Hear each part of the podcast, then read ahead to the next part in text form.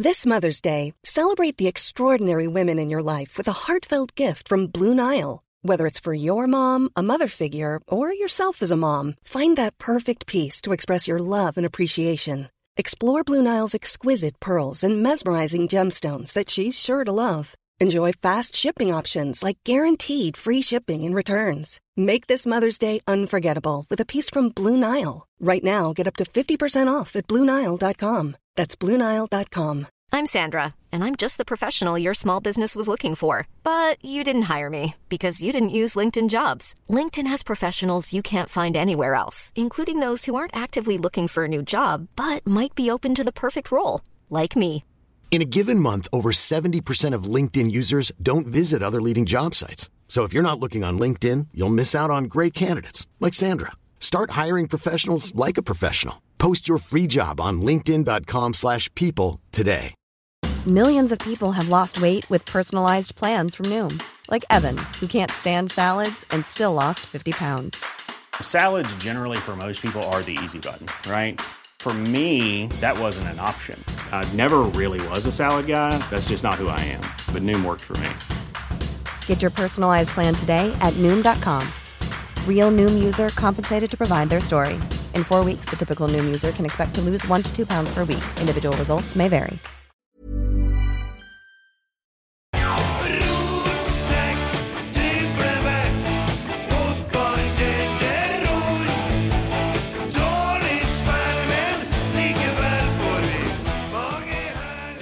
Ja, ja. Velkommen til en ny episode av eh, fantastiske Rotsekk, om vi skal si det litt forsiktig. Hei. Hei. Var det ekkel lyd i ørene? Ble det ikke all verden? Det var ikke lyd i ørene. Å nei, jeg trodde jeg klarte å fikse det, men det er ikke sikkert jeg fikk det. Da. Nei. nei. Vi får få igjen tekniker. Ja, Vi skulle ha hatt en uh, tekniker, kanskje. Ja. Ja. Um, ja, Går det bra med deg, Kristi? Det går fint. Ja. Først nå, før vi begynner uh, med gjestene og sånn, må jeg bare presisere. Det her er ikke en politisk valgkampsending på noe som helst måte. Og vi i Rotsekk vi, Jeg satt og snakka med Emil Almås. vi fant ut at vi faktisk har representert fire forskjellige partier, vi femmene i Rotsekk. Så vi er ganske godt spredd ifra Ikke så langt ut til høyre, da, og ikke så langt ut til venstre, men ja, vi er godt Almås er jo rødt, da. ja, det er jo lengst ut til venstre. Det lengst ut, ja. Ja. Det finnes sikkert noen lenger Ja, ut. Hammer og Sigde. Ja, og det er der, ja. ja. Ja, Der skjønner vi hvor du står hen. Men eh, bare så, for vi er for å snakke om Rosenborg. Vi er det. Og helt riktig. fotball og artige angrepsvillige dresser og sånn. Ja. Ja. Morten Gans Pedersen, hei. Hallo, hallo. Det det er kult at du er her. Ja, takk for at vi kom. Med. Det var på tide, ikke det man skal si. Ja. Hvor bor du i Trondheim? Nei, jeg bor i sentrum. Du bor, jeg har hørt litt rykter om det. Er det sant, de ryktene jeg har hørt? Er det feil å begynne å snakke om det? Nei. Nei, jeg tror vi Jeg bor i en eh, fin, liten Ja, jeg skjønner. leilighet. Ja, det, det, det var noen som kviskra meg i øret at du bor i en fin leilighet, ja. Da sukka han Kent. Ja, jeg gjør jo ikke det. Så eh, Nei, du bor ikke i leilighet? Nei, jeg bor ikke i leilighet. Jeg gjør ikke det. Nei, nei, nei. nei eh, men eh, det, det skal jeg ikke begynne å plage deg med det, Morten. Men det første jeg tenker på Jeg har nettopp sett en serie på Netflix som heter The English Game. Har du sett den? Nei, den har jeg ikke sett. Den handler jo om fotballens opprinnelse fra 1800-tallet. Fra England. Ja. Men det er en ganske kul serie. Og der er faktisk Blackburn med. Ja, det er vel. De begynte fryktelig tidlig, ennå mens det var sånn arbeiderklassegreier og ikke lov, ikke lov å kjøpe spillere. Og, ja. Det var Ja, et taket det begynte, ja. Det var tidlig inn, og det var den som begynte kjøpebonanzaen også i Premier League med, med Jack Walker, så de har vært i begge endene. Ja, uh, ja, det var det kanskje, ja. For den serien har jeg begynt å se nettopp. Den Premier League-serien som er på NRK nå. Den var ganske kul, da. Ja, den er bra. Det er Blackburn er jo mye med der, fordi det var jo eh, der det virkelig penger begynte å galoppere med, med Jack Walker og skulle vinne serien. og Litt kjøpelag og uh, henta Alan Shearer fra nesa på Alex Ferguson, så uh, Ja. ja, det, det, må jo eh, de har vært med på litt av hvert. Ja, for de kniva jo ganske heftig mot Manchester United. Der så jeg at når Premier League begynte, da, var det litt sånn Ja, det var rivalisering av det. Og så eh, det året de vant eh, Premier League, så var det jo siste dagen òg, med at uh, de klarte ikke å og, og vi, det var eh, United var det borte mot West, men jeg, kan, jeg husker ikke hvordan det var. Men det var i hvert fall da at uh, Blackburn tapte vel og vant serien. Våren 95. For hvor var man på høsten 95? Lerkendal. Yes. 2-1. Ja, stemmer det. Stående Stensås. Ja. Jeg var født jeg òg, da, vet du. Så det fikk jeg med meg. Jo, jo. Ja, Vi er født samme årstall, ikke vi? Var en gyllen årgang. Ja. Samme årstall, samme fornavn. Ja, 76. Ja, samme hårfarge. Ja. Ja, det Samme BMI. Jeg tenkte jeg skulle ta fram det positive med oss nå, men eh, vi kan jo være helt åpne hvis vi først begynner. ja, ja. Jo, jeg skal mer til Blackburn, men jeg, der kom jeg på en ting med deg, da. Eh, Jeg tok deg jo litt når du var her sist gang, for det denne syklinga. Jeg er ikke glad i syklistene. Nå skjer det fortsatt hver dag. Trondheim kommune har brukt shitloads med penger, laga sykkelveier. Hvor sykler de? hen? Midt i veien. Og så ligger jeg og venter i den køen bak den syklisten. Når det ligger en eh, sykkelgang til milliarder på sida som ikke blir brukt. Og den er merka til og med. Den blir ikke brukt. Nei, men jeg er usikker på om det er sykkelveien sin feil. da. Altså Det kan være syklisten i tilfellet. Det er akkurat det. Så jeg er lei av syklister, men det er en ting som er vær. Det er de forbanna hymerne jeg ligger bakom på sommeren. Altså bobilene. Ja, jeg kaller det dere hymere. Jeg klarer ikke hymere. Hva du for og drar rundt på i sentrum her om dagene? jo, nå får du med campingvogn nå. Hvis du, skulle få, hvis du skulle prøve å søke deg til annen jobb, så tror jeg du skulle prøve turistsjef i rollen, i hvert fall. Altså, Visit Trondheim. Ja, Visit Trondheim. Nye lederen av Visit Trondheim. Altså, du må ha mye mer storsinna tilnærming til dem som kommer og besøker byen vår. Så om de kommer, de kommer ikke syklende og gående, men om de kommer med båt eller fly eller tog Ja, det er fint, det. eller, Fint det. Men eller bobil. jeg har kjørt i sommer. Hva har jeg funnet ut? 4700 km. Tror du jeg har ligget mange av dem bak bobiler? Jo, men med, med, med temperamentet ditt, da, så kanskje ikke du skal være på veien, død, død. Hvis, du ikke, altså, hvis du må ha veien alene, så tror jeg du må heller kjøre på nattesti. Da får du det litt, litt, litt, litt likere. Men Ja. eh, Jeg kjører rolig, da, for jeg har seks prikker, så jeg må det. Jeg kjører ja, veldig du har ikke gjort det bestandig. Nei. Norske statsbanene eller Norwegian har vært noe for deg, vet du. Ja. Da han sa han, eh, han politimannen på Stjørdal snakker du Nei, kjører du alltid så fort når du snakker i telefonen sånn? Ja, Da er det ikke rart du får prikker.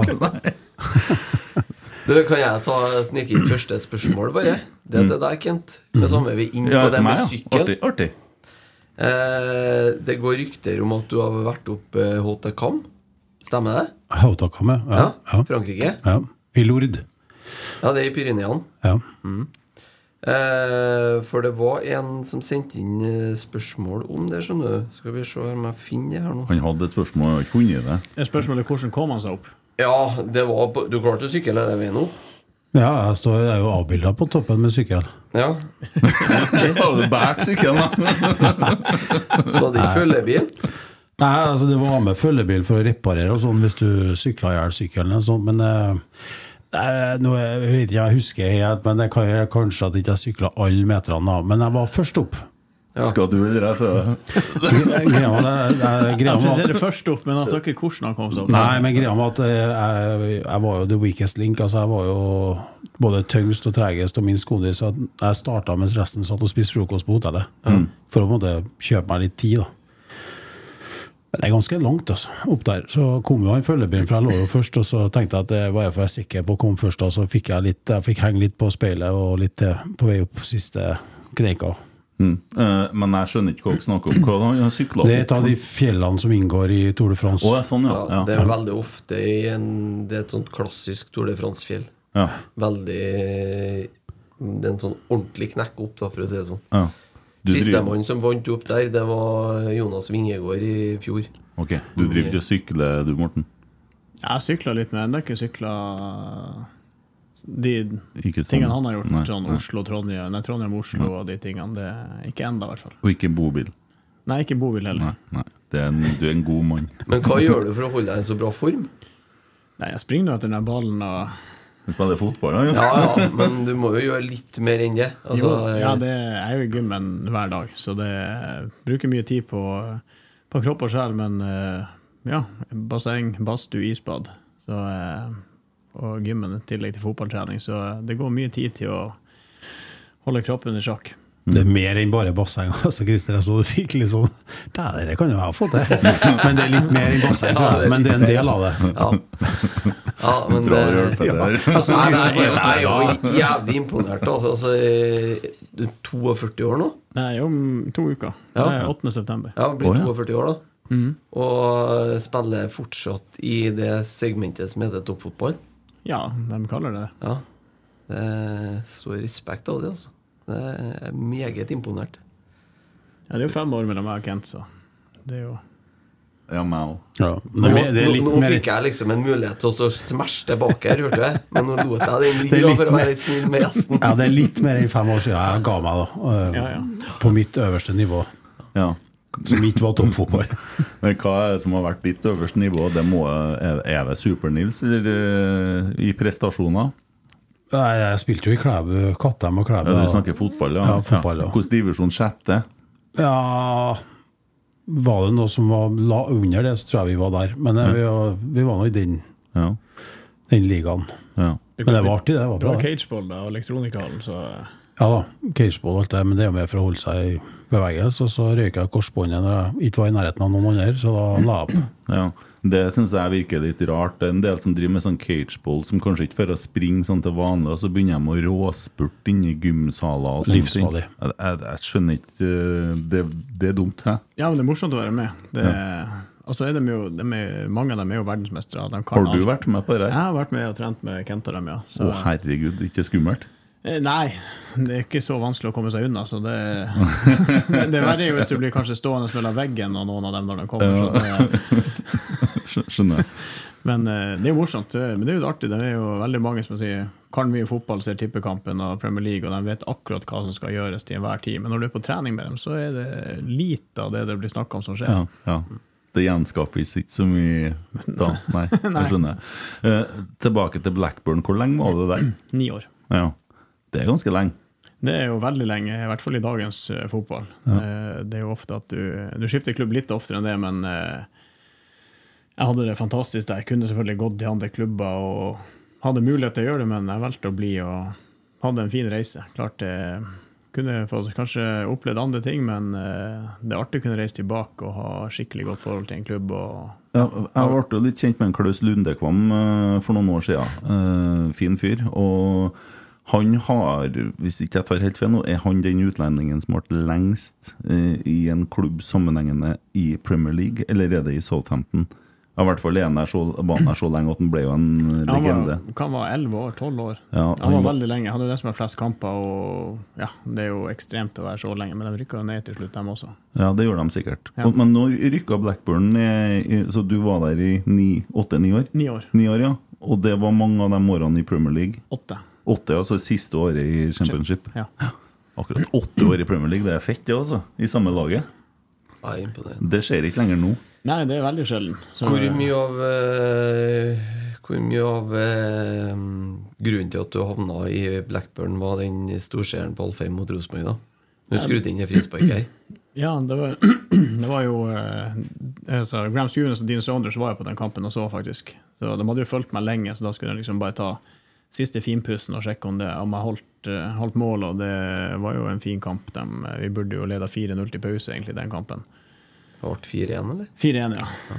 2-0 til pause, og så skåret vel Rosenborg 2-1 ganske tidlig andre omgang, og så kjørte vi over dem igjen. Ja. Og, eh, ja, det var jo publikumsrekord på Alfheim og sånn, egentlig, men jeg fikk ikke telt inn alle som kom pga. billettrøbbel. De hadde ikke flere billetter. Nei. Men eh, det var der det Leda serien til sommeren da du dro? Ja, de leda, vi leda med syv poeng, eller noe, så de leda et par runder til, og så ble det vel fjerdeplass til slutt. Otto Ulseth var assistenttrener. Jeg var underholdt på Alfheim den kampen. Ja, Som Nils. Det var ikke veldig artig. Det var før kampen, det. da. Det gikk ikke. Men eh, etterpå så var jeg litt betutta gjeng nede på hotellet her, og Ola som var trener. Ola Brisø. Å ja. 2004, da. Ja. Ja, var det da Tromsø leda serien eh, underveis der, ja? Jeg tror, jo, det kan kanskje stemme, det. Jeg husker, for at de leda jo veldig, med veldig mange poeng på Rosenborg. Jeg tror vi leder med syv poeng eller noe. Ja, ja, ja. Men det forsvant jo ganske mange fra Tromsø-laget. Mikael Koppinen kom jo hit etter den sesongen. Ja. Til Blackburn. Jeg dro til Blackburn midt i sesongen. Peter Kovacs dro jo. Så ja. Karmes Diri kom vel også til Rosenborg. Ja, stemmer det. Ja. Lars Iver, da? ja, han dro til Vålerenga. Ja. hvert. Ja. Eh, og så går du fra Blackburn til Karabøkspor i Tyrkia. Ja. Og det er kaos og sånn som tyrkisk fotball er, eller? Det kan være kaos, ja. Det, altså, det, er jo, det er jo religion der nede. Det er jo helt eh, Ja, altså, de puster jo fotball, og så er det jo selvfølgelig en måte å samles på, det å ja, samle byen og alt det, det, er det laget du, du støtter, og alle liker likesinnede når du er på tribunen og, og kjører på. Så det var, det var, altså, det var en enorm opplevelse. Det og det, når du møter Galatasaray, Fenerbahçe og de klubbene, så er det jo et hinsides leven på den. eh, Du hører jo ikke et ord hva som blir sagt utpå der. Så er det sånn plystring, og at eh, det, det rister litt i trommehinna når du er utpå der. Det er herlig, da. Ja, det er jo deilig. Det er jo sånn som i adrenalin av det. Så, eh, men eh, ting snur jo fort i fotball òg der òg. Ja. Men Karabuk, altså hvor, er, hvor ligger den byen? Er det i nærheten av Istanbul, eller? Ja, tre timer fra Istanbul og, og time halvannen. Spørs hvem som kjører, hvor mange prikker du har. Eh, At det gjaldt, du trengte ikke prikker i eh, Tyrkia, hadde visst ikke så mye å si. Men, men er det sånn altså, Alle kjenner jo til Besjiktos, Galatasaray, Fenerbahçe, noen av de andre litt større klubbene som har vært ute i Europa nå. Men er om- resten bare kaos? Har ikke du hørt om Karabukspor? Sånn. Jo, jo. Vi møtte jo, Møtte jo Rosenborg. Ja, Ja. det var det som var litt artig, for jeg var med og spille Karabuk til Europa. Ja. Og så går jeg til Rosenborg, så møter vi Karabuk i Ja, Vi røyker jo i samme hindre som i år, Ja, egentlig. Tredje runden. Hvilket årstall er vi kommet til da? da er vi i eh, 2013. 13 2013 gikk var det, ja. Jeg kom til Rosenborg i 2014. Ja, ok, ja, i 2014, og da var det Per Joar som var her, eller hadde han Ja. Kåre kom- eh, Per Joar som var her som Ja. hentet deg? Og han Bård Wiggen som Ja. assistent. Ja, Bård Wiggen. Men når Rosenborg møtte Karabukspor på sensommeren her, så hadde Kåre tatt over. ja. Han, Ja. han bytta, vi bytta jo på sommeren her, ja. Men eh, ja, det, da var det en hemmelig overgang når du kom til Rosenborg. Dere snakka litt om det i stad. Kan vi få en liten greie om det, Kent? Skal jeg fortelle, eller skal du fortelle? Nei, du kan fortelle hvis du vil. Nå vil du ha hele historien, Kent. Ja da, men altså, de ringte. De var på altså, begynte å planlegge oppkjøringa til sesongen. Perry og Erik Hoftun som ringte og lurte på om, om ja, som visste jo at vi kjente hverandre og var gode venner, som lurte på om vi ikke kunne sjekke hvordan situasjonen var i Tyrkia. Og den var nå ikke all verden, da, for å si det mildt. Eh, og så var det andre norske klubber, og så begynte nå dialogen og forhandlingene, og så skulle jeg være veldig hemmelig. Da. Sant? Selvfølgelig, det var Molde var jo på banen, og det var det var litt viktig for både Rosenborg og alle egentlig at det her liksom ble holdt lavt, da, men det var ikke så lett eh, å få han til Trondheim. Land på Værnes, sant? alt der folk snakker, folk ser, og så få han til byen. Og så var det noen forhandlinger, skulle være i Osloveien, det villaen vi har der. Eh, det gikk jo for så vidt greit. Uh, Perry rev ned garasjeporten, men ellers var det veldig stilt. Jeg håper han tidlig meg for det. var bare, han, drakk, han, han trakk i nødgreiene, så hele porten bare smalt. Men det gikk bra, det. Porten berga og alt det der. Så ble vi enige, og så skulle han jo overnatte. Altså, klubben hadde ordna rom til dem på, til samarbeidspartneren den gangen, Scandic, nede på Solsiden. Ja. Og der kommer vi, og nattvakta hadde liksom tørka gluggene da han kom ut. da Vi kom litt sent på kvelden. og så skulle han ligge og så kikka han, og han var fotballinteressert, det så vi på han. da, Så er sånn Er du her i byen, liksom? Ja.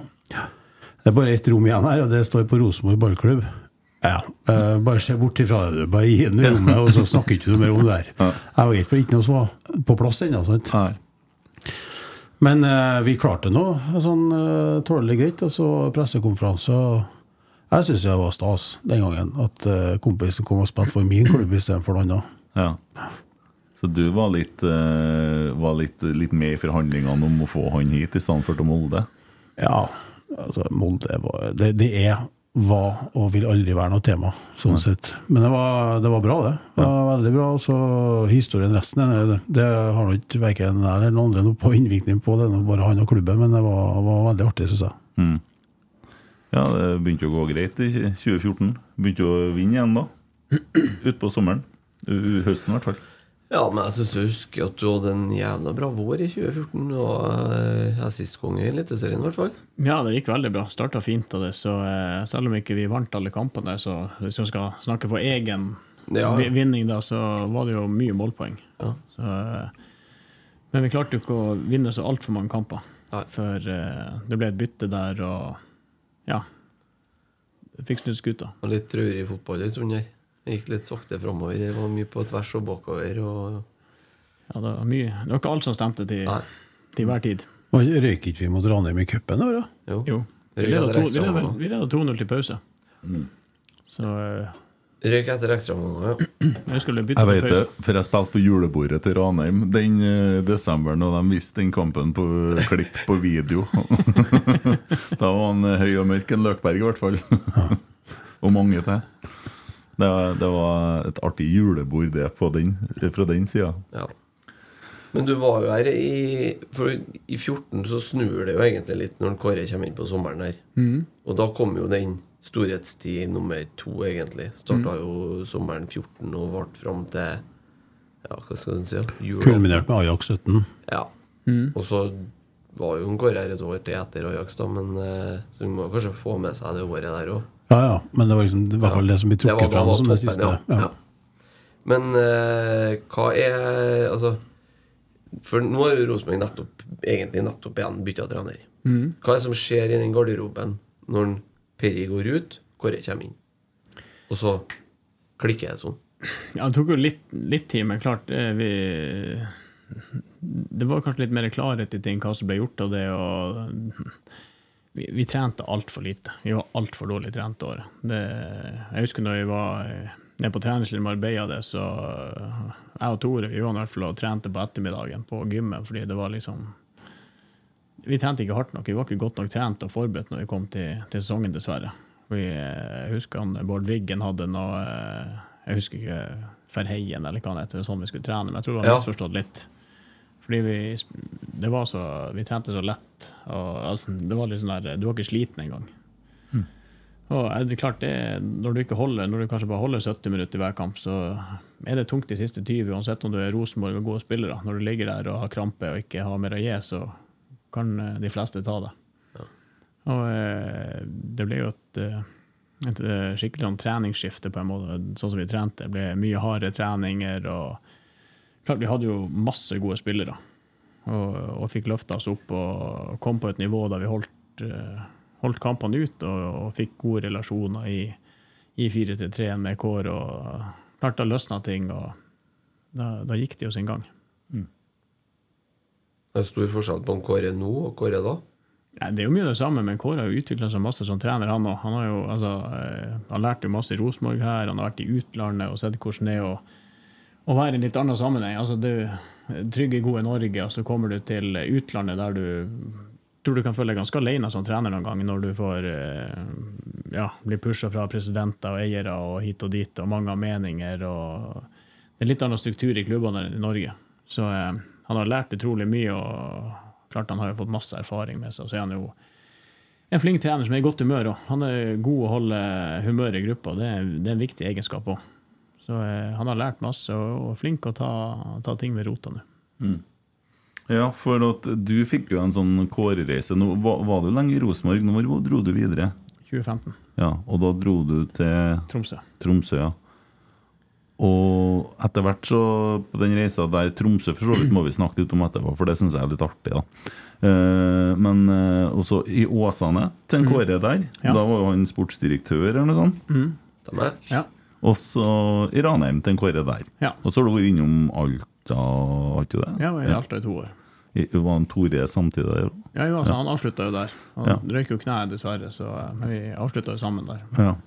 ja. Så kommer du tilbake til Ranheim nå og spiller her. Ja, det er artig reise. Det er jo morsomt. altså Jeg elsker fotball, og det er derfor man holder på med det, og har muligheten. og Altså, Kroppen funker, så eh, hvorfor, altså, man lever nå én gang. Hvorfor skal man ikke gjøre det man liker å gjøre? Det er jo ikke vits i å gjøre noe annet da. Mm. Eh, Men, men eh, 2015, ja, hvorfor så tidlig? Når på 2015 hvorfor?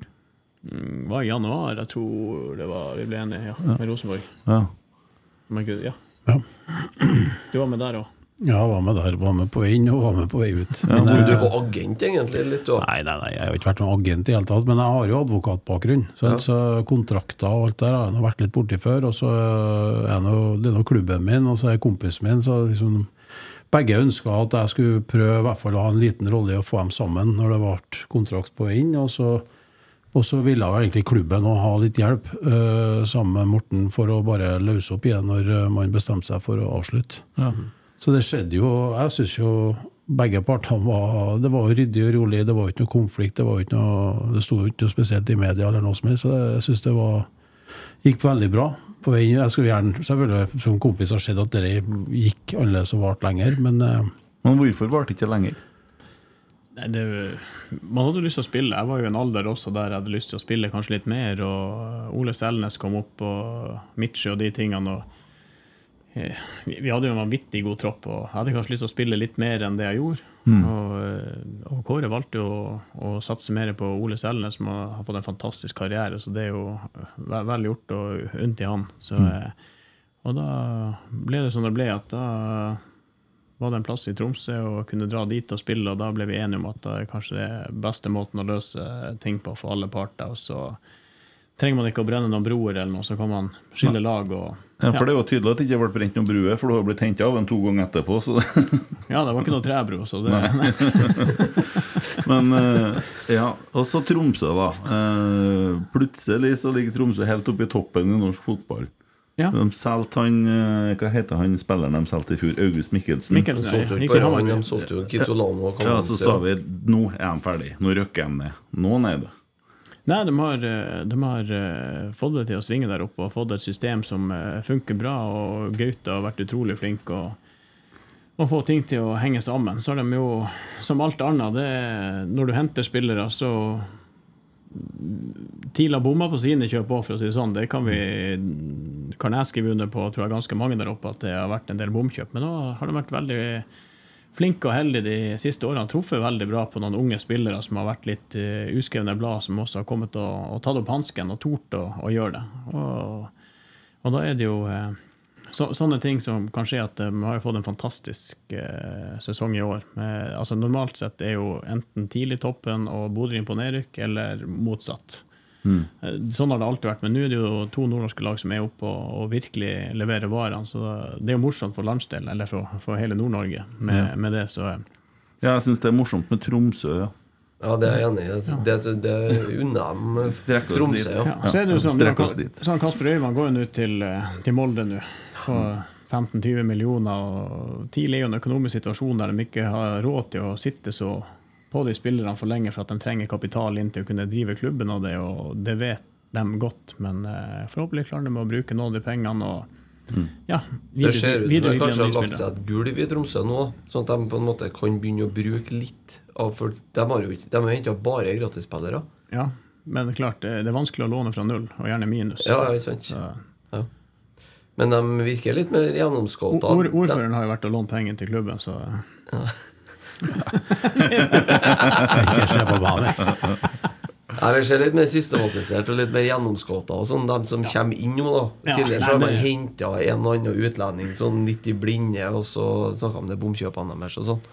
Men, men det var ikke hatt mulighet til å gjøre det pga. lønna, de tingene heller. Så eh, som jeg sier, nå har de vært veldig heldige og flinke og truffet på noe. Så har de fått en del spillere opp fra akademiet også, som har, eh, har blomstra og gjort det kjempebra.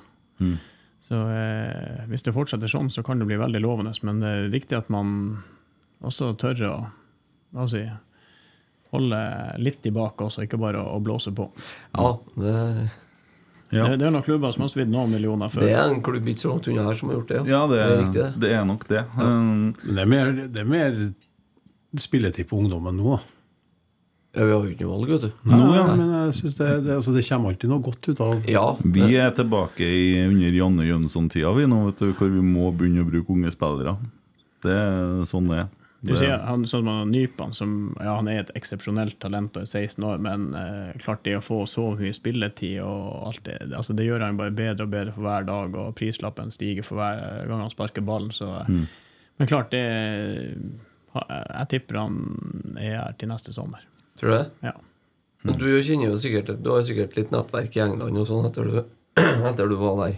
Ja. Eh, altså, er det Hvor mange Er det reelt, tror du, at United og City og dere der er på å følge med Det er sånn kjempereelt. Og det er flere klubber enn det òg. Så eh, jeg blir ikke at det, altså, Men det er veldig mange både agenter og klubber og ting som ringer og spør meg om spillere i Norge og hva man syns og mener. Så sist så ble jo, når eh, han oddkeeperen Ja. Leo ble henta til Blackburn, så ringte jo eierne meg og spurte hva, om det var en type som kunne passe inn i, over der. Og det er det. Og det er det. Ja, jeg, han var jo Eliteseriens beste keeper, vil jeg si. Med 24 år, de er jo ung som keeper og masse utviklingspotensial. Og, så eh, Nei, det, det er jo morsomt, men eh, det, er ikke, det er ikke jeg som skal ta valget for ham, det får han gjøre sjøl. Eh, ja, nei, men uh, Odd og keepere, det har vært en sånn greie. Nå er jo riktignok han svensk, men uh, Odd har ofte hatt gode keepere, dem. Ja, Holtan var jo god gammelt lager der. Ja, Stå og røyka bak mål. han han røyka, han. Men da har du jo Da har du en inngang på hva du skal gjøre når du blir ferdig altså, med fotballen. da Ja, det, jeg er blitt forespurt å være agent og sportssjef og trener. Og det har vært mange tilbud, men jeg tror den dagen man kanskje velger å si at nå er man ferdig med toppfotball, for fotball kommer jeg til å holde på å spille videre og kose meg med, men da tror jeg det også kommer til å være litt lettere å kanskje kjenne på hvilke valg du har lyst til å ta. Ja. Det er jo eh, med, Jeg vil jo tro at det har vært bra med, Men er det norske klubber som henvender seg, eller er det utenlandske? Begge deler, faktisk. Så det er morsomt. Jøss. Det hadde vært kult da, som sportsdirektørjobb da, og fått ordna seg et basseng i bakgården så holder jeg i form. Det trenger, trenger bare et basseng. Og et isbad. ja, et isbad. Ja. Ja, slå to fluer i en smekk, da slipper å varme opp bassenget. Bare ta det nordpå, så blir det. ja, ja, enkelt. Eh, Otern, Oteren, vi kan ta med litt spørsmål innimellom her. Han har, lurer på om du har fått tilbud fra Wrexham. Har du fått tilbud fra Wrexham? Jeg har ikke fått tilbud. Nei? Nei. Nei. Nei, da har det, det jo- er med at det er et kontraktsforslag, så det har jeg ikke, det har ikke jeg fått. Nei? Har du snakka med ham? Om jeg snakker med Brexham? Ja. Nei, jeg har ikke snakka direkte med Brexham, nei. Nei. Nei, ok. Du snakka med noen rundt Wrexham? Det kan, det kan hende. jeg følte at du svarte så kort, jeg måtte dra litt. Det var kort jeg svar. Ja, ja, men jeg ser det på smilet at det er god grunn til å spørre videre. Ja, ja. Ville jeg tenkt da. Ja, ja, men Kan ikke du òg spørre, da? Kan jo hjelpe deg litt. Hvor nære var du å komme inn i den TV-serien? Det neste spørsmål, da. Den var langt unna. Ja, okay. Men dere, du sier at jeg må, måtte jo hjelpe kompisen min. Men eh, da tenker jeg kompis, ja, når ble dere kompiser, og hvordan skjedde det? det? Det er jo ikke eh, geografisk logisk, i hvert fall. Nei. Snart 20 år siden. Ja, det tror jeg det er vel Åge Hareide, det, egentlig. Åge var landslagssjef. Uh, vært i Rosenborg, tok over landslaget. Gjorde seg vel uspiselig her et kvarter og for. Og så um, var det kvalikkamp, Ullevål, mot Finland, mener jeg. Eller Tyrkia. Eller, ja. I hvert fall, det var, vi måtte vinne den kampen. Og så tenkte han òg at vi flyr ned og hører med en Kent om han kan komme og være litt Nils Arne til spillerne. da på hotellet dagen før kamp for å liksom bryte opp stemninga litt. Det var noe Panserhagen og Steffen og du- Tyrkia, det. Ja, Tyrkia. Men da du valgte ut et offer, da. Jo da, men det er nå så. Men, eh, men eh, Og underholdt, og så rakk ikke flyet hjem. Og ble innlosjert på samme hotellet. Og så satt jeg liksom ferdig med underholdninga skifta om og sånn, skulle få meg noe mat, og så satt det noen, av spillerne nede i, nede i resepsjonsområdet her da, på hotellet. Det SAS-hotellet, til Slottet. Og så ble vi nå sittende og prate, og så Morten bare ja, men du må ta en tur over, da. Liksom, vi hadde jo prata lenge, og helt som vanlig. Du må ta en tur over til Manchester, da, så kom hun på besøk, og så ser du en kamp, og så bare slapp av i helg. Jeg tenkte ja, ja, hm, særlig at han mener det. Så jeg bare, vi utveksla noen telefonnummer, og så gikk det en uke eller to, og så bare sånn Kommer du, eller? det er seriøst. Skal jeg? Ja ja, så for jeg nå over, og siden så liksom, utvikla det seg over flere år. da, Holdt vi kontakt, og vi var over flere ganger på, og så kampene på Ewood, og det var bra, det også, var stemning på Ewood Park den gangen. Og så, ja, så har det nå bare Vi har hunget sammen etter det. Det er snart 20 år siden, ja. Jesus. Da, tida går fort. Ja, det gjør den. Men det ble Ja, det uavgjort. Den landskampen ble uavgjort. Ja, da var ikke det Tyrkia, for den tapte vi. Det var da E. Håkon Oppdal sto i mål, og så skuddet fra han Emre gikk under. Ja, midt i mål. Yes. Og så hadde vi et par keepertabber borte. Keeper uten armer og sånn, og det? eh, vi tar med litt flere. Eh, apropos Super-Nils. Det var spørsmål om det òg. Savner du Super-Nils? Både ja og nei. Uh, nei, fordi at det var 20 år, og, og det på en måte med hans bortgang, Nils Arne sin bortgang, så er det helt naturlig å legge ham bort. Men, eh, men uh, herregud, når du ser tilbake nå, når du står midt oppi, så er det ikke så lett å liksom vurdere det så godt, men når du ser tilbake, så er det klart det, det var my, utrolig mye alle bortekampene og Champions League, altså hele atmosfæren rundt Rosenborg og med han og liksom den evnen til å skape så mye situasjoner og leven og liv og lære samtidig. Det Ja, men, det, men jeg har egentlig slått meg til ro med at det, det kapitlet er over. Og så Bagen ligger hjemme, ferdig pakka, men den er ikke brukt. Nei, men jeg er ikke helt enig med deg.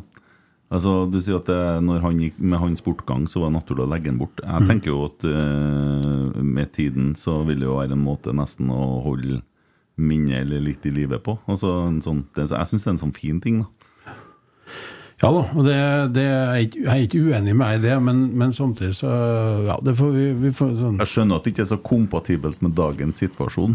Eh, Nei, men men det er mer liksom Det var artig mens begge var i live. ja. Eh, greiene. Eh, men eh, vi får se. Det, det er liksom sånn bastante aldri, aldri, det er noe så, men i utgangspunktet så er det på en måte tilbakelagt. Det er litt sånn aha og stage shows. The final farewell tour. Ja, si- Sitte i formannskapet som Super-Nils må jo ha vært ganske artig, da. Ja, det vil jeg jo tro. Ja, vi får se. Vi får Etter å se. vinne diskusjonene. Ja. Jo, men, eh, men, eh, men altså, mange sier at når jeg, når jeg blir veldig engasjert, så kommer mye av det fakten frem, da, men da uten parykken og sminken og boblejakka. Men eh, det, det, du klarer liksom ikke å legge det helt bort, eller? Etter å ha på To- med. Tunga kommer, og fingrene begynner å gå. Det er jo ikke så mye av det fakten der når vi ser kamp sammen. Hvor er det fakten hen da? Ja, nei, men altså, under kamp, da er jo ikke noe Da er jo all fokuset på matta. Ja, ikke sant? Så det, og heldigvis er det jo mye, mye artigere å være der og nå og følge med. Ja, du var ikke på Hamar, du. Nei, jeg var ikke på Hamar. Jeg har ikke vært ute av byen siden, eh, siden jul, skal jeg si. Men eh, nei, jeg, jeg var ikke det. Men eh, noen sånne kommer jo, da. Det, Men jeg syns jo sånn Altså, totalt sett så er det jo mye artigere likevel nå. Mm. Eh, mens jeg husker det, eh, over til Ranheim. Hun sa flere litt fordi vi tapte på Ranheim, men ned på Hamar. Men eh, eh, Ranheim vant i går Ja, mot. Skeid. 1-0. Ja. Og vant i helga som var. Skal jeg driste meg til å si at det den merkeligste kampen jeg har sett? For når Ranheim leda 4-0, så var det så ufortjent, syns jeg. KFM var jo nesten bedre enn Ranheim. Det var helt snålt. Ja, KFM er jo veldig godt ballag, og de, de hadde ballen mye. og De skapte kanskje ikke de største sjansene, sånn sett de hadde nå, men vi hadde jo bestemt oss på forhånd at vi skulle bare ligge lavt og kompakt og tørre å bare stenge igjen og ta overganger. fordi det er jo det de kanskje største svakhet med at de er veldig ambisiøse i, i måten de spiller på. Det lyktes jo veldig bra med. Først er jo selvfølgelig han stopper stopperen litt uheldig og sklir på første mål, og Sivert kommer alene og går rundt keeper, og på andre målet så er det en knusktørr bad. Det, vi, vi trener jo på en bane hver dag som burde vært lagt ny for kanskje noen år siden. Men eh, varningsanlegget når jo ikke inn til midten på banen, så på sida av banen der kan ballen skvette av gårde. Men eh, Tønne visste jo at den ballen aldri kom til å stusse inn til keeper. Så den bråstoppa jo, og da sto jo keeper på halv distanse, og forsvareren stoppa. Da fullfører Tønne løpet og header i mål, og så skårer vi jo på dødball rett etterpå, og så er det jo et- det selvmålet. Ja, det er jo på helt nydelig. Så, ja, vi hadde mange marginer med oss, ja. Ja. Men samtidig så eh, Ja, det er jo sånn når du er, kommer litt i gang, så altså flaks. Det Hvorfor har gode lag mer flaks enn andre. Vi, Ja. vi har vært gode etter sommeren og hatt mye som har gått imot oss når vi har vært litt dårlige, så det er sånne ting som jevner seg ut også. Tre på råd nå. Ja, så, Ja, snudde jo en egentlig veldig negativ trend, da. Og det er jo godt. Nå er jo Ranheim ett poeng unna kvalikmulighet, stemmer ikke det? ja, vi har A-poeng med Kristiansund, Ja, så ja. så fem poeng bak tredjeplassen. Ja. Eller fjerde, ja. Tredje fjerde. Det lukter opprykk ut. ja. Du mener det? Ja. Ja. Det var, Altså, alle det var lag- offensivt. Jo, men alle lag, all lag har jo på en måte en down gjennom en sesong, stort sett. Sant? Og Rosenborg har jo stort sett brukt å starte dårlig, og så blir det liksom seier av resten inn. Mm. Men, eh, men fortsetter det nå, og på en måte lage, få litt den her eh, sålen med sjøltillit og litt mer stang inn enn ut, så hvorfor ikke? Og det er jo liksom, hvis, hvis du kommer til playoffen, og der, så kan jo alt skje. Mm. Hvor god er Langås, som får til Viking? Han var veldig bra. Vanvittig talent med masse fart og, og øh, er stor og klart enda masse, masse å lære. og Jeg tror han kan bli veldig god. Så han fortsetter den utviklinga og er, er nysgjerrig på og vil bli bedre, så kan han nå langt. Da kan det være neste landslagsstopper som øh, vi faktisk har solgt. Første kampen i Viking, banens beste spiller. Ja, så øh, det viser jo bare potensialet han har. og mm. ja, Håper han, han lykkes. Jeg har prata litt med han etter han dro dit ned, så han trives og har det fint. Ja. Vi satt her og var litt småforbanna eh, når han ikke kom inn til Rosenborg og havna i Viking. Og Vi klør oss jo over det ennå, egentlig. vi. Ja, men eh, har jo, jeg har prata med en del folk da eh, for å prøve å finne ut hva det er som har skjedd. Og situasjonen er vel den at eh, Ranheim kom best ut med avtalen fra Viking, og så er det jo spilleren som velger sjøl. Så sånn er det jo. Og ja, vi, jeg tror ikke vi skal være så sinte verken på Rosenborg eller Ranheim eller noen egentlig for det her, for eh, det ble sånn. Og det er bra for, uh, for noen av oss. Ja, ja, for Sondre er det jo bra. Sondre. Så kan Ja, jo er Rosenborg- så kan jo Rosenborg takke seg sjøl, da. Ja, ja det, Det kan du si, for det var, jo, jo. det var jo en Det der var jo en varsla suksess, det. Mm. Han har jo vært knallgod på Ranheim i, i lang tid. Så, Jeg tenker Lars Petter, for jeg kjenner faren. Nemlig som Ja. en, så- du vet, Du begynner å bli gammel da, vet du, når du snakker om foreldrene og ikke ungene. skjønner du så, men nå, er, nå er vi to år gamlere enn treneren til Rosenborg òg, tenk på det. Hva syns du om det? Nei, jeg tenker at det, vi har nå vi har nå holdt oss i live lenge, vi. Ja. Ja, det er en prestasjon. Ja. På en måte, i hvert fall når vi snakker om meg. Har du noen tanker om en eh, Svein, etter han eh, tok over? Nei, ikke noe annet enn at jeg syns han har, eh, ut fra forutsetningene, gjort en bra jobb så langt. Uh, Slipp til ungguttene, enten altså, om det er frivillig eller ikke, men han gjør det nå. Uh, og uh, går jo ganske offensivt ut med at det her er drømmejobben. Nå skal han liksom brette opp alt og snu tvert. Uh, litt dårlig start, men jeg syns han sto bra i det da òg. Så Synd da med Hearts, det, det må jeg si. Men eh, det virker jo liksom litt sånn åh, Er det mulig at det er derfor, altså på, på grunn av det som skjer, at det er derfor vi ryker? Men um, sånn var det jo litt med altså, Nils og andre som går ut med en sånn offensiv spillestil, som må få sette seg litt før du får se fruktene. Ja, det, det er jo tradisjon tro. Hvis vi skal tenke Nils, da, så starta Nils på samme måten i Europa, han òg. Han holdt på noen år før han fikk til Europa òg. Ja, men han holdt alltid kursen. altså Målet hang der, sant? og man gir seg ikke. Nei. Men det blir jo spennende å se. da, så Adressa hadde en lang sånn liste over hvem som muligens kan bli aktuell å ta laget fra, ja, fra nyttår. da. Ja, må nå si at Han som har skrevet den saken, har ikke fulgt med i timen. Fordi at eh, hvis man, ja, Det mener jeg helt oppriktig. Fordi at eh, Nå har Rosenborg vært så klar på at her skal det bygges en strategi. Og den strategien den handler om eh, røtter. Den handler om kultur. Det handler om hvem vi er. Uh, og da er det en del navn på den lista som ikke passer i den uh, strategien. Det er ganske enkelt å plukke ut. Så det ble litt sånn Jeg vet ikke, jeg syns kanskje det er litt søkt. Og ja, hva ønsker vi oss i Rotsekk? da? Tror vi er ganske samstemt om hva vi ser for oss for neste år, i hvert fall. Ja, ønsker vi oss først og fremst en strategiplan? Og en Det ønsker vi oss først og fremst. Svein Målen som trener. Ja, vi må vi la han Svein hvert fall Han har jo ei fram til jul. Og så må det strategidokumentet som eh, alle venter på, som skal si noe om hele klubben, Mm. eh, og spesielt sport, da må det komme først. Og så må vi tenke at det kan være Ja, en, fin, eh, en fin start. Jeg tror vi må ha et år til med at han får utvikle spillere, og så får vi rydda opp i andre ting, og så finne ut av det her. Og det er ikke gjort i løpet av neste månedene i 2023 heller. Nei, men dere som er ekspertene, tror du strategidokumentet blir tilpassa målen, eller? eh? Nei. Nei. Nei. Nei, men jeg tror Svein passer veldig godt inn i det strategidokumentet. Noe annet vil overraske meg.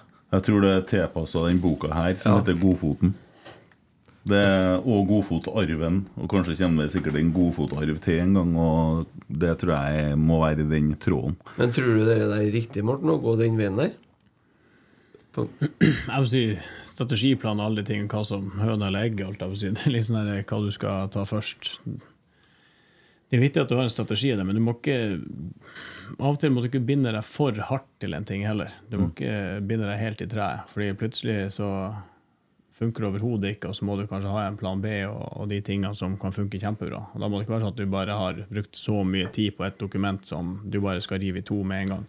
Men det at du klarer å at du Kanskje litt lokale spillere, du vil kanskje ha en Altså hvilken struktur du vil ha på klubben og de tingene, og forhold til salg og kjøp og det, litt sånn Ja, for det, det, det er jo et- kanskje det største problemet til klubben. Vi har gått fra 4-4-2 til 3-5-2 til 4-3-3, og så har vi skifta sånn der imellom.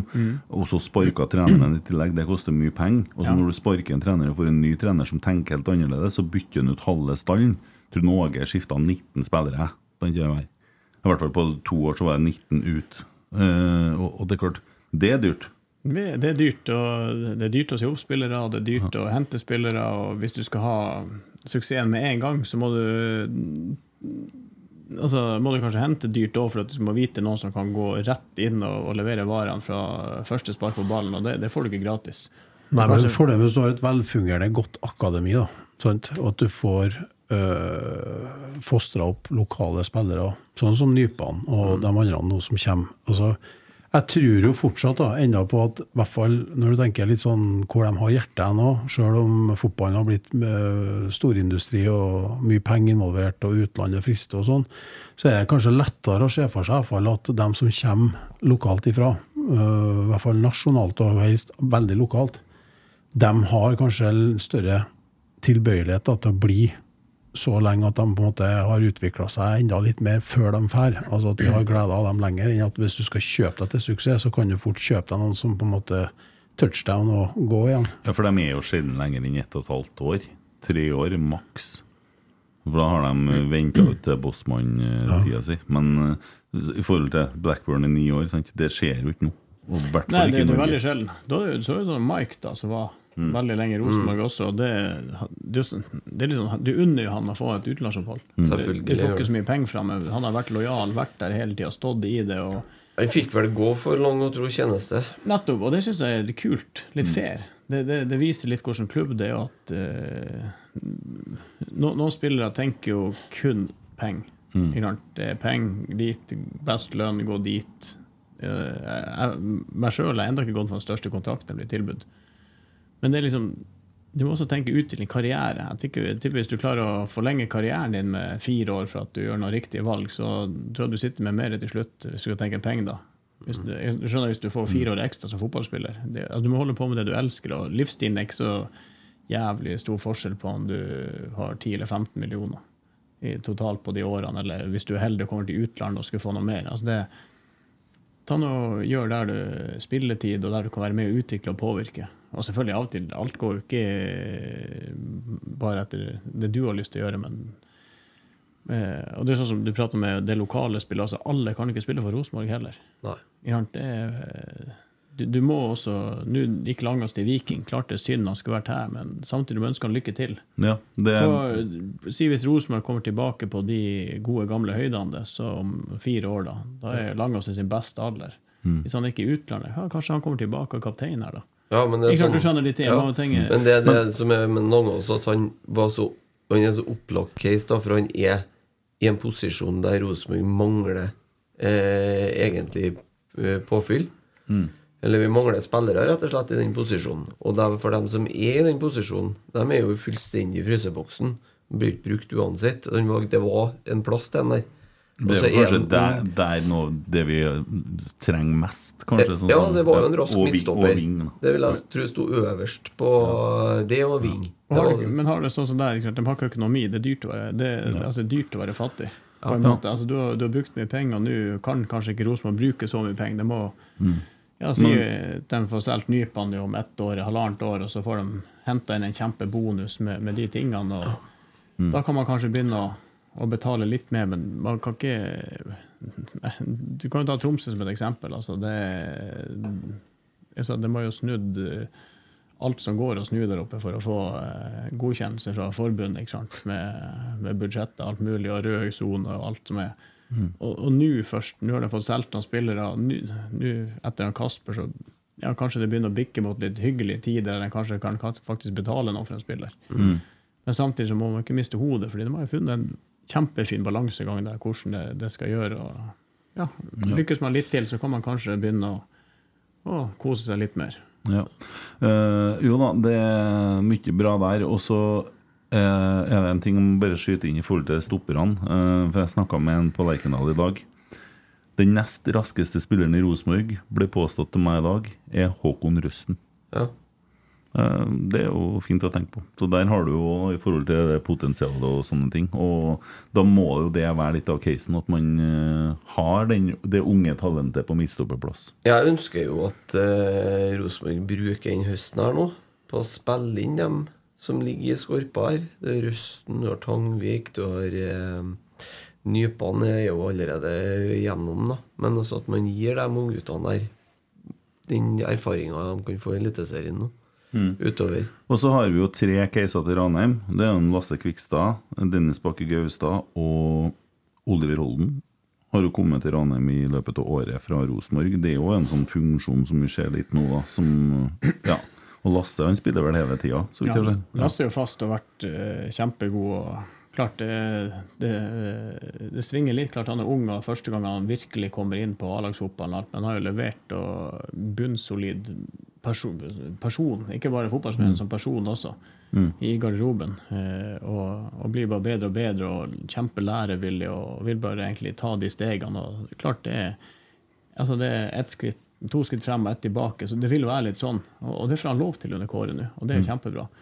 Så har du Dennis som har vært eh, litt skada, var ute med en, en trøkk i ryggen av det og begynner, først nå begynte å kunne trene ordentlig igjen, som er et kjempetalent med ekstremferdigheter én mot én. Enda litt liten av det og de tingene, men det er sånne ting man kan, kan bygge på etter hvert. Bygge styrke sånn at du kan stå imot. Og så har du Oliver som er men kom og vært eh, flink, kom inn mot Mjøndalen, slo målgivende og er en kjempefin eh, gutt å ha i gruppa. og Liker å trene, er med på ting, godt humør og ja. eh. Litt respekt og, og de tingene, men samtidig så er han passe frekk til å faktisk gjøre noe ting også.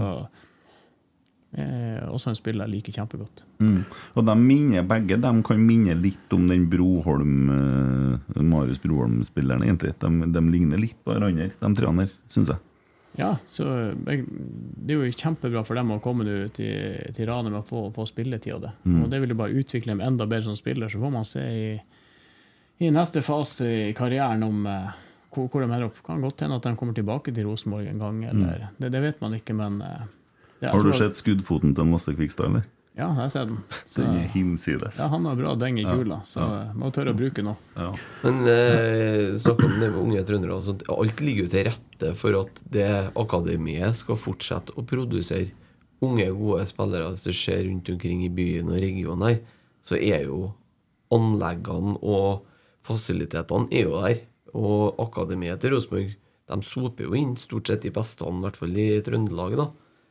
Og det tror jeg jo kommer til å skje videre framover. At det kommer, kommer en fantastisk Vi ble gutter 16 norgesmester i fjor. Da kom inn eh, Var de helt ned i 13, de yngste som kom inn jo i, i Var i vinter, tror jeg. Sommer. Vi er på vei ut av Bølgedalen, vet du. Det, der, eh, det kommer, det løsner jo. Men jeg tror, jeg tror en ting som er viktig for trondheimsfotballen, det er å få et eh, stabilt lag i andredivisjon.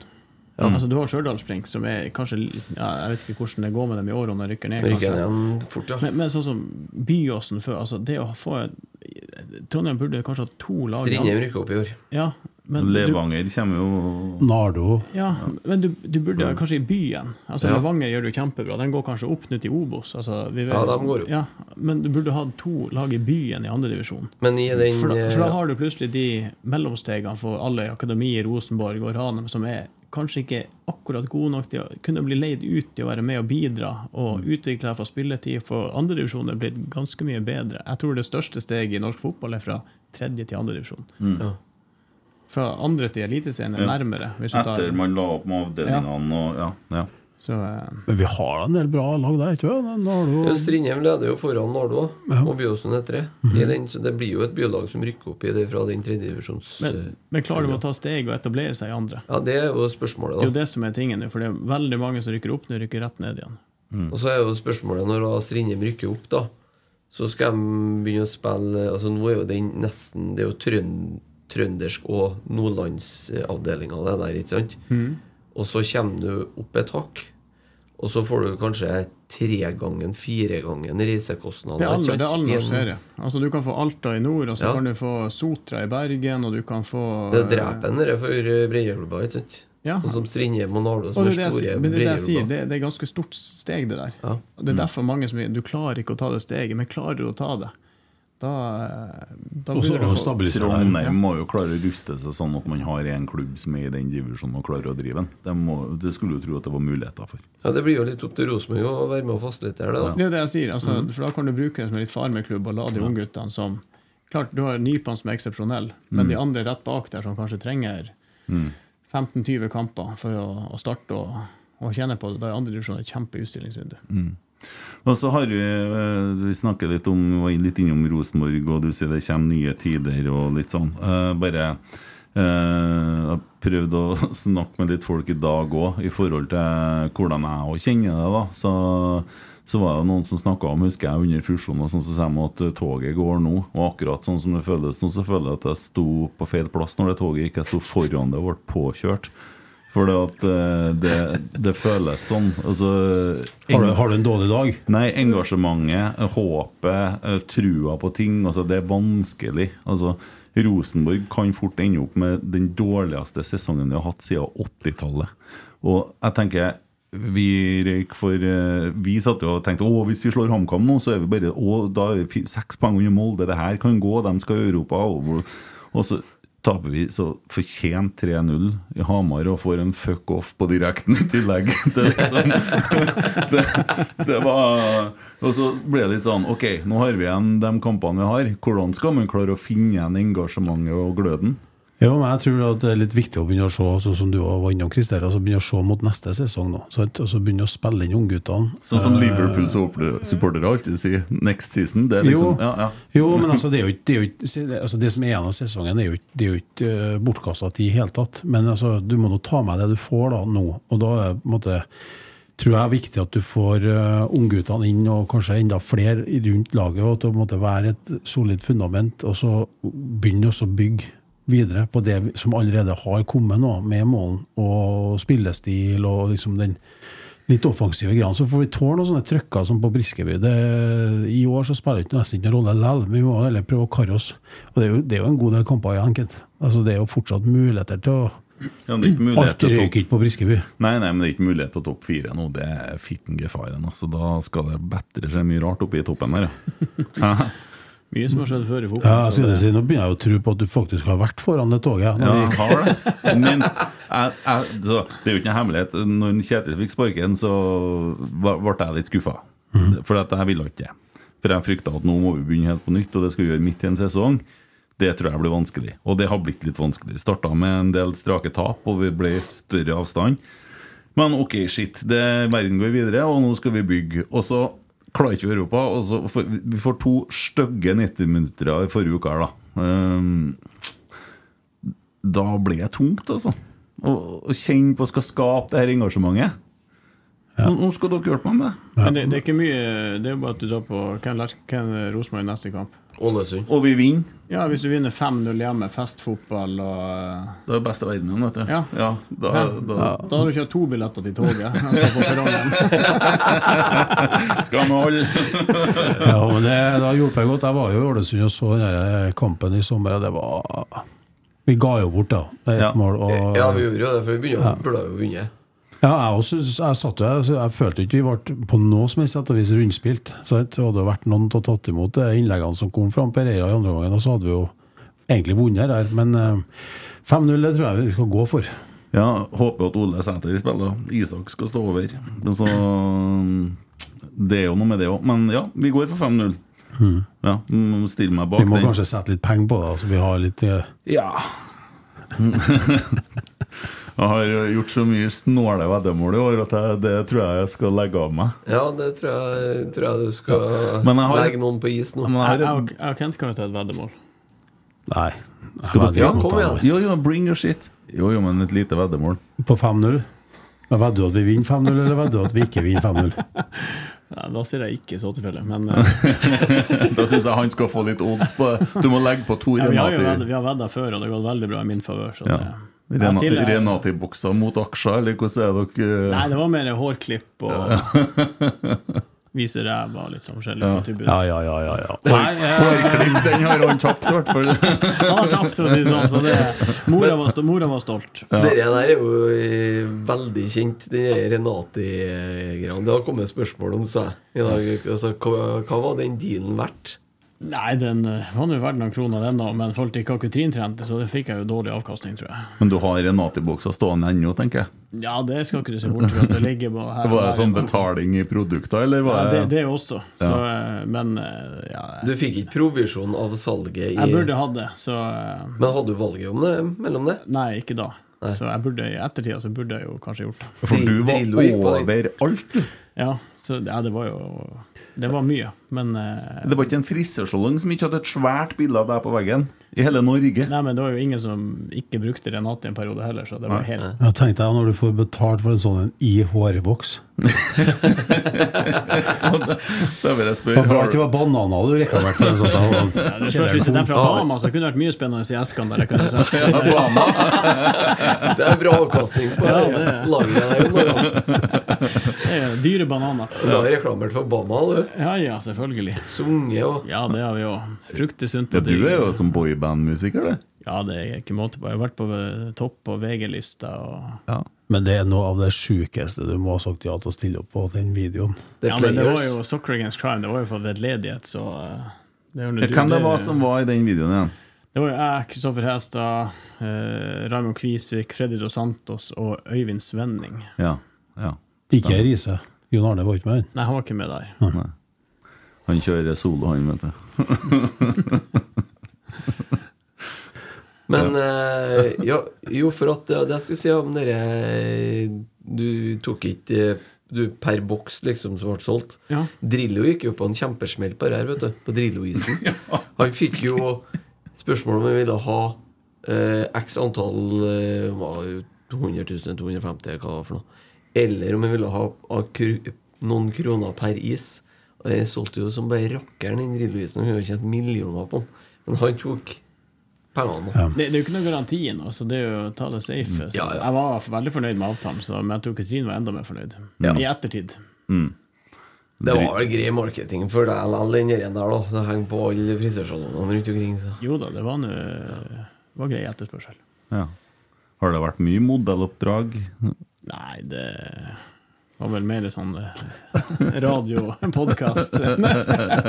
Podkastutseende? Synes det har jo selvfølgelig det har jo vært litt, men det har jo vært i, i samarbeid med var jo, var det jo stor avtale med Adidas og, og de tingene, så ja, Litt med hår og Renate og de tingene, men ellers har ikke det vært, det har ikke vært noe catwalk eller noe sånt. For.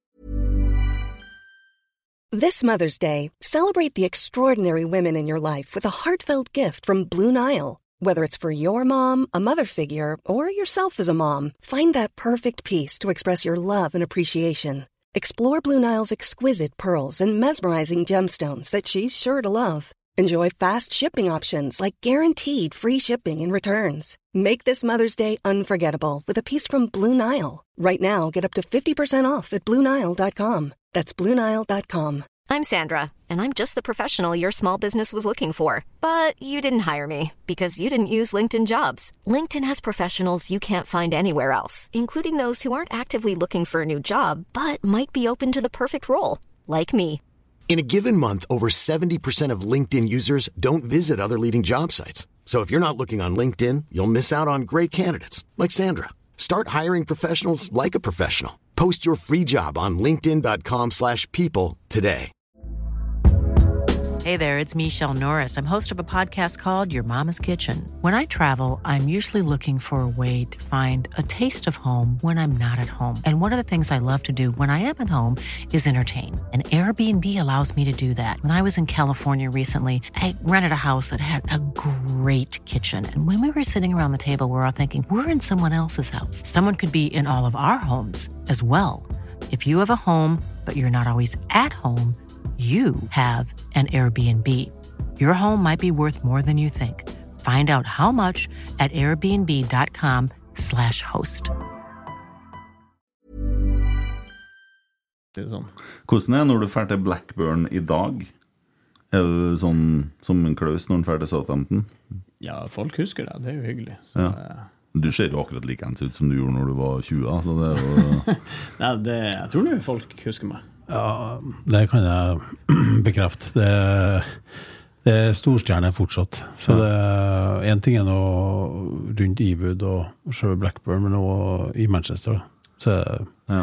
det er selfies og autografer. og Det, det det, det har du vært god på, og stilt opp på uansett. Også den gangen når du spilte der, så var det liksom alltid tida. Og det syns jeg er så bra. For det, det er en del av dem som skjermer seg, og det forstår jeg òg, det er ikke det. Men, men liksom det å, når folk spør at du måtte behandle dem med respekt og stille opp og ta deg den tida for en Premier League-spiller å bruke én time ekstra fra garderoben til bilen for å, for å møte fansen, dem som tross alt møter opp og betaler billett for å se deg, det, det syns jeg er Det skulle egentlig bare mangle, men det er ikke alle som gjør det, og det, der syns jeg du har vært eh, steingod. Ja, det, det, er jeg syns det er morsomt òg. Det er jo å møte folk. Og så nå når man kommer tilbake, det, det er jo Om ikke stolt ordet, men du, får, du er litt sånn Du blir litt sånn humble, som man sier på engelsk, når du kommer dit og folk husker deg og klapper deg på skuldra. Det er jo en god følelse. Da har du gjort noe riktig. Og eh, det er jo, noe det er jo flere som kommer plasser du blir bua på. Så ja. Men klubben husker spillerne sine òg. ja, det gjør det. Så eh, det er det morsomt. Og så har jeg jo et godt forhold til dem som er i klubben nå. Jeg er besøker dem hvert år, de prater med dem, jeg prater med eierne. Og Hvem er det som er igjen, da? det er de indre Wenkis så, eh, Ja. som eng- eier dem. Så eh, De har eid dem lenge, eller? ja, det kom i 2010, var det vel? 11? 10. Det Ja, det er da, der. altså, samme gjengen Ja. fortsatt. Altså. Ja. Ja, det, det der syns jeg er litt sånn koselig. Og så er jeg litt for at jeg har sett denne TV-serien. Den må du se på Netflix. Altså. For det, Blackburn blir jo litt sentral der etter hvert. Og det, Da er vi på 1800-tallet, som sagt. Det, det syns jeg er kjekt. Eh, nei, det er fine ting, dere. Det er kommet en spørsmål om Blackburn. Kan vi snike inn Ja, bare ha et lite tips mens jeg husker det til Rosenborg. Vi snakka om reklame her. Hvis Rosenborg nå resten av vekka legger ned samme innsatsen og får folk på fotballkamp som de gjør for å få folk til festningen på festival, så skal jeg love deg det kommer mye folk på Lerkendal. For nå er det livesending, live på Facebook hver dag hvor de har gjemt spillere, hvor de skal fære og lete etter spillere oppe på festningen der, og det, det, det kjøres ut uh, forskjellige innslag og bilder om at det er festivalpass og festningen og bla, bla, bla. Det er fotballkamp på søndagen. Ja, de har jo fått betalt, sikkert. Da, for det Nei, men ærlig talt. Er ikke det sponsor av den festivalen? festivalen? Ja, men eh, vi driver med fotball. Få noen folk Nei, jeg tror kamp. Stereo er Rosenborg-sponsor. Ja, Sånn, men det er hyggelig det at de vil ha folk på festival, men få noen folk på kamp. Enn om man har gjort noe samme stuntene for å få folk på fotballkamp. Gjemme en Edvard Tagseth, det er ikke så vanskelig. Gjemme han oppi en postkasse eller noe, og la folk for å lete etter den. Hvis du drar han, eh, Svein Målen opp av en, eh, et hull opp av festninga, så får du tre gratisbilletter til kampen ja. også. Ja. Det, det går an, det. Jeg har ikke fått det med meg, faktisk. Nei, ja, da, nei, men eh, følger du Rosenborg på Men- sosiale medier, eller? Men det skal sies da, jeg vet at Rosenborg i fjor var på festningen på den eh, festivalen og fikk reklamert for sin neste hjemmekamp, som var den søndagen den helga. Ja, men jeg kan jo fortelle til folk at det er kamp nå på søndag klokka kvart over sju. Og det er hyggelig om folk kommer og støtter laget Ja. og de unge trønderne som møter opp på banen. Eh, ja, det er bare blir litt sånn Det, det er mye, da. Ja. Ja. Du er litt negativ nå. Nei, men jeg, jeg mener har jeg vært det hele kvelden, så. Nei, jeg har ikke det. Men dere der men de, må rygge det toget. De kjører livesending på Facebook hver dag. Har aldri sett dem hatt livesendinger på Facebook før. Altså, hvorfor skal vi stå på så gæli for at dere eksen til Petter Northug skal få folk på festivalen? Det er jo fotballkamp her på søndag. Nå høres jeg ut som, nå høres jeg ut som deg. Ja, Nå høres det ut som meg i mai. Vi har, vi, har, vi har ikke noe for å måle blodsukker i studio her, bare så dere har Nei, sjekka. og Det- du vi har en sånn proteinbar liggende her, tror jeg. Den kan vi ta, for i dag har jeg vært på forelesning med gjengen til Ulrik Wisløw. Ja, der, ja. Ja. Det er ikke noe proteinbar, det er biler. Jeg har proteinbar liggende klar bak der. Det er en snusboks. du. Vi skal ikke vente, vente så lenge med den, tror jeg. Jeg tror vi skal, tror vi skal begynne å finne det. Nå, nå gamlefar, skal du høre her. Jeg har, vært på, jeg, jeg har begynt med sånn pai-greier. vet du Sånn. Pai. Mia Health. Du har kanskje hørt om det? Ulrik Wisløw og guttene har jo drevet forska på det her. ja. At du får sånn pai-poeng. da tar vare på hjertet ditt. Jeg har gått ned ti kilo siden februar. Ja. Og jeg trener. Ja. Mye. Jeg springer og har jeg har, ligger alltid over 200 pai i uka. Ja, men prøv å bla fram til kapitlet om humør, for det er helsefremmende å være glad. Nei, men Det gjelder å være frustrert fotballsupporter for tida. ja. Ja. Er det engelsk pai, eller er det shepherd pie?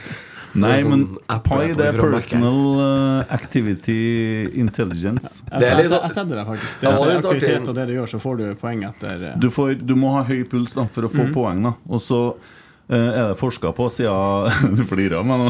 Nei, men det er forska på i, Siden de begynte med HUNT-undersøkelser i Nord-Trøndelag, siden 80-tallet, så har de forska på det der. sant? Og at du trener hjertemuskelen, som er viktigste muskelen. Og så eh, O2-opptaket. VO2, det heter. Ja. VO2 maks. Ja. Eh, og du forbedrer det da med trening, og det styrker eh, helsa di. Men jeg er kjempeglad for at du har gått ned ti kilo. Jeg er steinglad for at du har paier og følger og dundrer på, men du må være litt glad for det, du òg. Altså, du må på en måte lære deg å sette pris på det. Det er ikke vits å holde på å gå hjem med det for å sitte og kjefte kjeft på resten av verden. Her er det, det var én ting fra i kveld. Det skal jeg i hvert fall huske på resten av livet. Og det var når du satt og instruerte eh, Morten Gams Pedersen om hvordan du skal holde deg i form. Nei, men jeg forklarer har hvordan 198 poeng nå, altså. Herregud. Jeg skal forklare det ble at du har puls. Du har puls Ja, men jeg skal forklare forklarer hvordan jeg Nei, men du sitter jo her, du òg. Men Ja, ja. jeg tør ikke å henvende meg til deg direkte, skjønner du. Via meg, ja, ja. Nei, men Poenget er jo det at jeg har jo klart å få til her da, det de, det de bevis, bevisst her da, med NTNU og sykehus og alt det der, det er jo at folk som har over 100 par i uka, de eh, har ikke hjerte- og karsykdommer eller hjerteinfarkt. Nei. Nei. Det er flere i redaksjonen her som skal inn på det programmet der. Bare, så jeg, Ja, jeg peiser på. Jeg er jo en sånn konkurranse med Kjetil Rekdal, for vi var så dum og spilte inn en pod i Gran Canaria der vi satt i sånne stoler som var litt dype, og det kom inn spørsmål hvem har termin først, og masse sånne ting. Så var vi bare vekta til en Ulrik på, på sykehuset, og da hadde jeg en kondisjonsalder på 70 år. Hvordan ligger det an nå? Nå er jeg 53 år. Og prediksjonen sier at jeg er 42 år i november hvis jeg fortsetter som jeg gjør nå. Da er vi like gamle, da. Ja. Nei, jeg tror du har som en 17-åring, da. Eller, jeg, Han gikk fra grumpy old man til bare grumpy. Men du, du blir yngre og yngre. Ja, men det humøret kommer, det òg. Ja, det kommer, det kommer. Det kommer på søndag. Ja, bra. jeg går tilbake til Blackburn. Jeg. Ja. Ja, da, der for Jon Tore. Ja, hvem er den For jeg tipper vi skal dit. Beste med motspiller han har opplevd på banen. Medspillermessig Tugay, tyrkeren. Altså, han var en eh, ballkunstner uten like, magiker med det han kunne gjøre. og Røkte sig sigaretter så det, Det sånn dampa ut av bilen når han kom på trening, men eh, på trening og på banen var han eksepsjonell. Det er Desidert beste spiller jeg har spilt med. Nei, nei, nei. Han var kaptein for Tyrkia når de tok bronse i VM, VM i 2002. Og røyka. som en skorstein. Det gjorde Marek Zappara òg. Han røyka. Det var bra, han òg. Det er tøft å røyke. Ja. Vet ikke om vi skal reklamere for det, akkurat. Nå Nei, tror jeg og så holder tror jeg på det er-. Det er sånn tidemannstobakk 1960. Når jeg, når jeg, når jeg røyka så, så er jeg sikker på Hvis de hadde laga kreft i tobakksform, så hadde jeg røyka det. Dessverre, det var, det kudere var det. Det hjelper ikke med de bildene. vet du Du skal Skjønner du? Ja, men det er ikke ukesluttbrevet fra forrige uke. Her det nå. Dette er litt tilbake i tid. Ja, ja, det er det. Jeg slutta å røyke i 2006. Men det tenkte jeg på med formen din. Noe rart Jeg hadde med deg på turné en gang i tida, når vi var så gamle dager når vi reiste på turné. Da hadde det ikke holdt, vet du. Du hadde, du hadde kollapsa. Du hadde ikke klart å sitte i bilen engang, for der ble det jo røyka. Eller tobakk, ja. Jeg hater røyk, så det ja. ja. Der hadde du jo sprukket med en gang. Ja. Ikke sovet. Og så på ei uke Men vi leverte på scenen hver kveld. Hva dere røykte for noe? Eh, tobakk. Ja. Ja. Sigaretter, konstant kjederøyka. Og mye annet. da Og maten vi spiste, det, det, det hadde jo heller ikke tålt. Nei, Jeg er jo bedre trent enn deg, vet du, på mange måter. Men du Ja, har, det- jo det er du har jo på en måte hele skalaen av helse... Jeg har det, ja. ja for det blir mye helsereformen. Det var før pai og det visne får var, til. det var Skal love deg. Helseplattformen er basert på deg, gitt. Ja. Nei, det var el- eldreomsorgen blir basert Ja, på ja. Kunne vært forska på det. Nei, men det turnene du var på, det var brutalt. Det var det Motspillere? Hva var spørsmålet? Ja. Du har spilt mot mye Jeg spilte mot mye, men jeg, må, jeg husker én kamp spesielt. Det var når jeg spilte mot eh, Chelsea borte på Stamford Bridge. Jeg tror det var Belletti han het, som spilte høyreback. Han var i Barcelona, Barcelona etterpå. Ja. Ja, det var bare altså, Jeg ble bare rett og slett tatt totalt ut. Hva hva du vet om utenlandske spillere? Jeg føler jo mye. Jeg Jeg ser jo mindre av det der nå enn jeg gjorde før. Jeg har aldri hørt han snakke om utlandet sånn der før. Okay. Jeg ble helt Når sånn da han spilte i Premier League, så så jeg alt av Premier League. ja. Han er for meg beste norske spilleren du har spilt med. Beste norske jeg har spilt med? Mm. Ja, Godt spørsmål, det er jo Ikke lov å si moldensere der, da. Nei, Det var ingen moldenser på den lista heller. Du kan få et tips. Ja. Si Fredrik Midtsjø. Det er veldig riktig i dag. Ja, Ja, ja Etter fint, fint, mål, fint, han- fint mål han skåret i går. Nydelig. Spilt med Steffen Iversen, Jon Carew, kanskje? Ja, det har jeg også spilt med. Snakk om Steffen. Når jeg debuterte på landslaget mot eh, Nord-Irland borte, så eh, kom Steffen Iversen på samling uten fotballsko, så han lånte et par fotballsko som jeg hadde den samlinga. Så eh, Har dere i samme størrelse? ja. Ja. Eller de, man brukte dem, de passa. Høyt så nøye. Nei da, jeg husker det, så eh, det, han brukte mine sko på den samlinga. Han møtte opp uten fotballsko, Ja, ja. dessverre. Jeg er litt samme historien. Jeg har hatt gitarister som har møtt opp uten gitar, jeg òg. Så det, det blir- ja. Ja ja. Så, Det jo nei da, liksom- Vi har levd ganske likt liv, jeg, du ser jeg. Ja. Det- ja. det er mange Ja, jeg kan ikke se en eneste forskjell. Jeg, jeg hører på Kanskje at du ikke bruker isballet så mye, men ellers er det rimelig. Nei, men jeg har frøst mye. da. Ja. Ja. ja, det hjelper, det. ja. Du restituerer fortere når du fryser, for å se om du skal oppi ei isbane. Så. Det er en som har spurt, men jeg redigerer litt på spørsmålet. For det var politisk rett. ja, for vi skal ikke ha noe Det skal ikke ha noe politisk. Nei. så da blir det du, da. Er du for eller imot VAR? Svar riktig. Om jeg, om jeg, jeg skjønner ikke hvordan det kunne være politisk retta, men eh, Nei, for det, Spørsmålet det, det sto til ordføreren eller Nei, det sikkert. er Høyre for eller mot vår. Jeg tror ikke jeg har vært så høyt oppe på partipolitikken. Det der, egentlig. Jeg er personlig imot. Ja. Da tar jeg heller noen eh, feilaktige altså, baklengs som skulle ha vært offside, for å ha flyten og bare la det gå. Så jeg syns en, en del av de siste episoden har vært helt eh, VAR det ikke godt nok i Norge, rett og slett. Altså, når du ser sånn som det var i VM eller Premier League, der det er altså, dere, Unnskyld, dere kjøpte VAR på europris. Du, du, det kan, det, jeg ville heller tatt og brukt mer penger på å utvikle dommere i Norge. La dem kanskje bli 100 profesjonelle og, og virkelig komme opp på et nivå der vi kan ha dem representert i Europa og i mesterskap og de tingene. Og så kan vi ta en VAR, men da gjør vi det på en ordentlig måte der vi ikke har Per Pål Askeladden som skal bruke et kvarter på å finne ut om hva som var rett og galt. Selger ikke uh, Europris Renati nå? Jo. ja, men det der er er jeg helt ute av det måten. Men jeg, jeg er enig fram til et punkt, og det at jeg mener, mener ikke at vi skal utvikle det systemet. Fordi at problemet er at det, problemet er, Hovedproblemet er ikke at det ikke er godt nok. Hovedproblemet er at det er der. Ja, Ja, det, det kan jeg, men Bare når du, få det bort. hvis, ja, det er greit, men skal du ha det, så må du ha det beste. ja men det funker jo ikke i Premier League eller? Det fun- funker bra mye bedre enn i Norge. Ja, bedre, men Ja. det fungerer jo ikke. Nei, jeg syns det viktigste vi har, er mål, mållinjeteknologi. Ja, det er det helt som enig. avgjør kamper. Men det Hawkeye-systemet de har i Premier League, det koster vel en eh, hva er det, 10-15-20 millioner eller noe sånt, det er lisensene på det i, for norske blir regninga i Norge, da. Hvem som er grumpy Ja, hva, nå? hva, Jo, jo, hva, men hva jo. koster VAR? Jeg ville komme med mållinjeteknologi før Ja, VAR. enig. Så eh, Helt enig. det er Det det som avgjør fotballkamper. Ja, for det er svart-hvitt. Ja. En inn, ikke inn. Mm.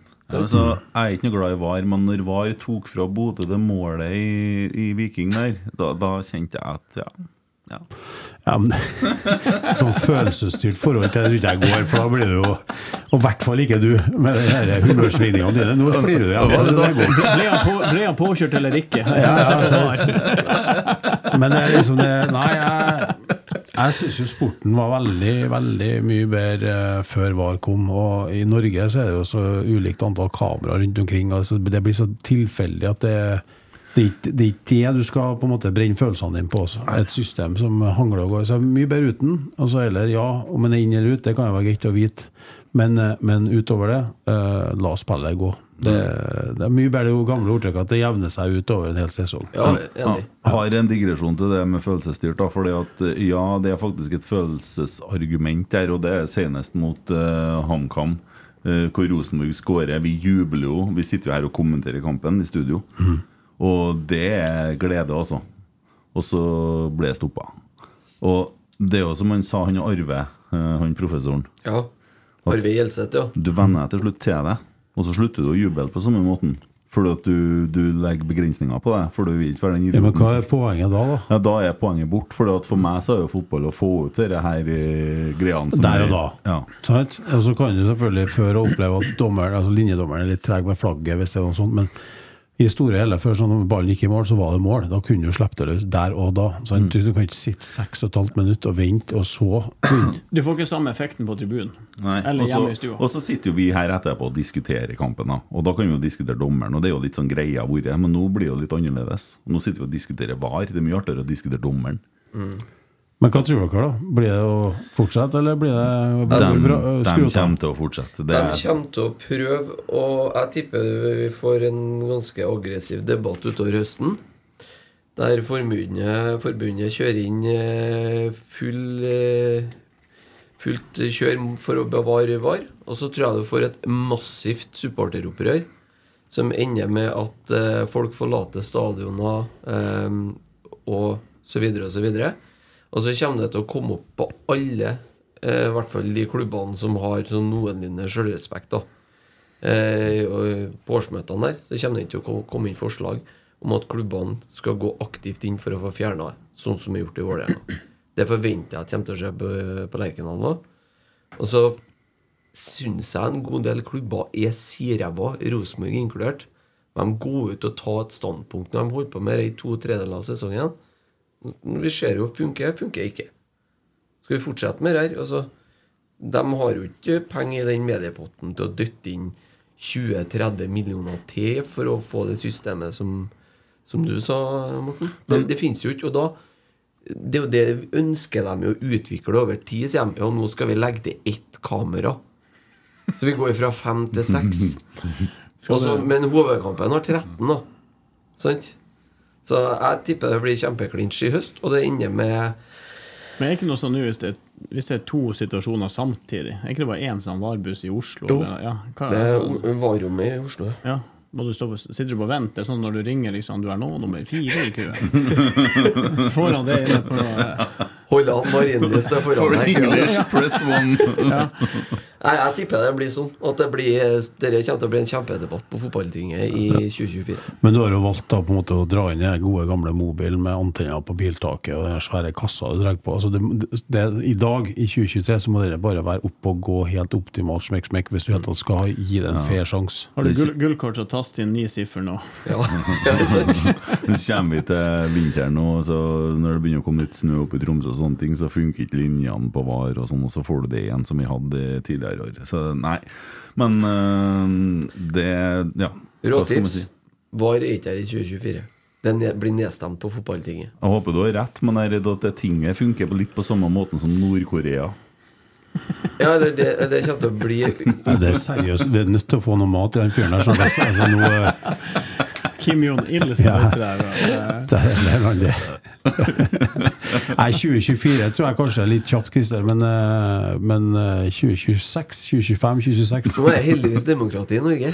Ja da. Og det Ja, gjelder i fotballen. men er det det på fotballtinget? Ja, Syns du det var det da VAR ble innført? litt an på hvordan Syns du det var en demokratisk avgjørelse å begynne med VAR? Nei, men det kan jo Det var jo ikke noe demokratisk i det hele tatt, det. Nei? Men det er jo òg klubblederne i klubbene sitt ansvar. Rosenborg påstår at de ikke hadde vært med og diskutert VAR. Mm. Det er bare tull. De hadde fått i oppdrag av, om å gjøre det, og, informere medlemmer og supportere og så videre og så videre. Og ingen som hørte et ord. Ja, det er fort å glemme sånne ting. Ja, det er veldig fort å glemme. ja. Det er litt ubehagelig og sånn nå, så da gjemmer vi unna den. Vi skal teste VAR i VM på ski i 2025 også. Så. Ja. Jeg skal spørre om noe før du spør det spørsmålet. Da. Yes. Ja.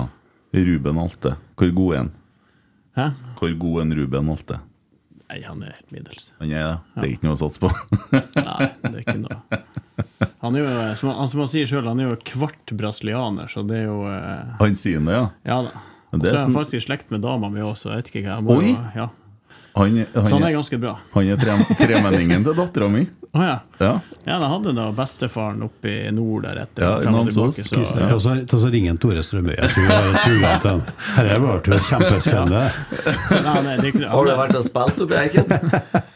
Nei, Amanda, dattera mi, bor jo oppe i- Vi bodde jo på Bangsund i mange år. Jeg så hun Ruben sparka når han var veldig liten. Eh, Så faren hennes er søskenbarnet til mora til dattera mi. Okay, ja, det var noe med besteforeldrene et eller annet. Sånn, Ja. men, eh, Det er så koselig. Ja, han er en bra spiller. Han har jo bra potensial, men eh, klart, han må tørre å ta stegene, han også. Og gjøre, det, gjøre noen riktige valg. Mm. Det er viktig for han i det neste steg. Han er, han er veldig god og kan selvfølgelig eh, ta det neste steget, men eh, må være villig til å gjøre jobben, fordi det neste steget kommer til å kreve enda mer av han. Men jeg tror også han, han, er, han er en spiller som tåler mye og er litt tøff. og, og det, Så jeg håper og eh, tror han lykkes. Mm.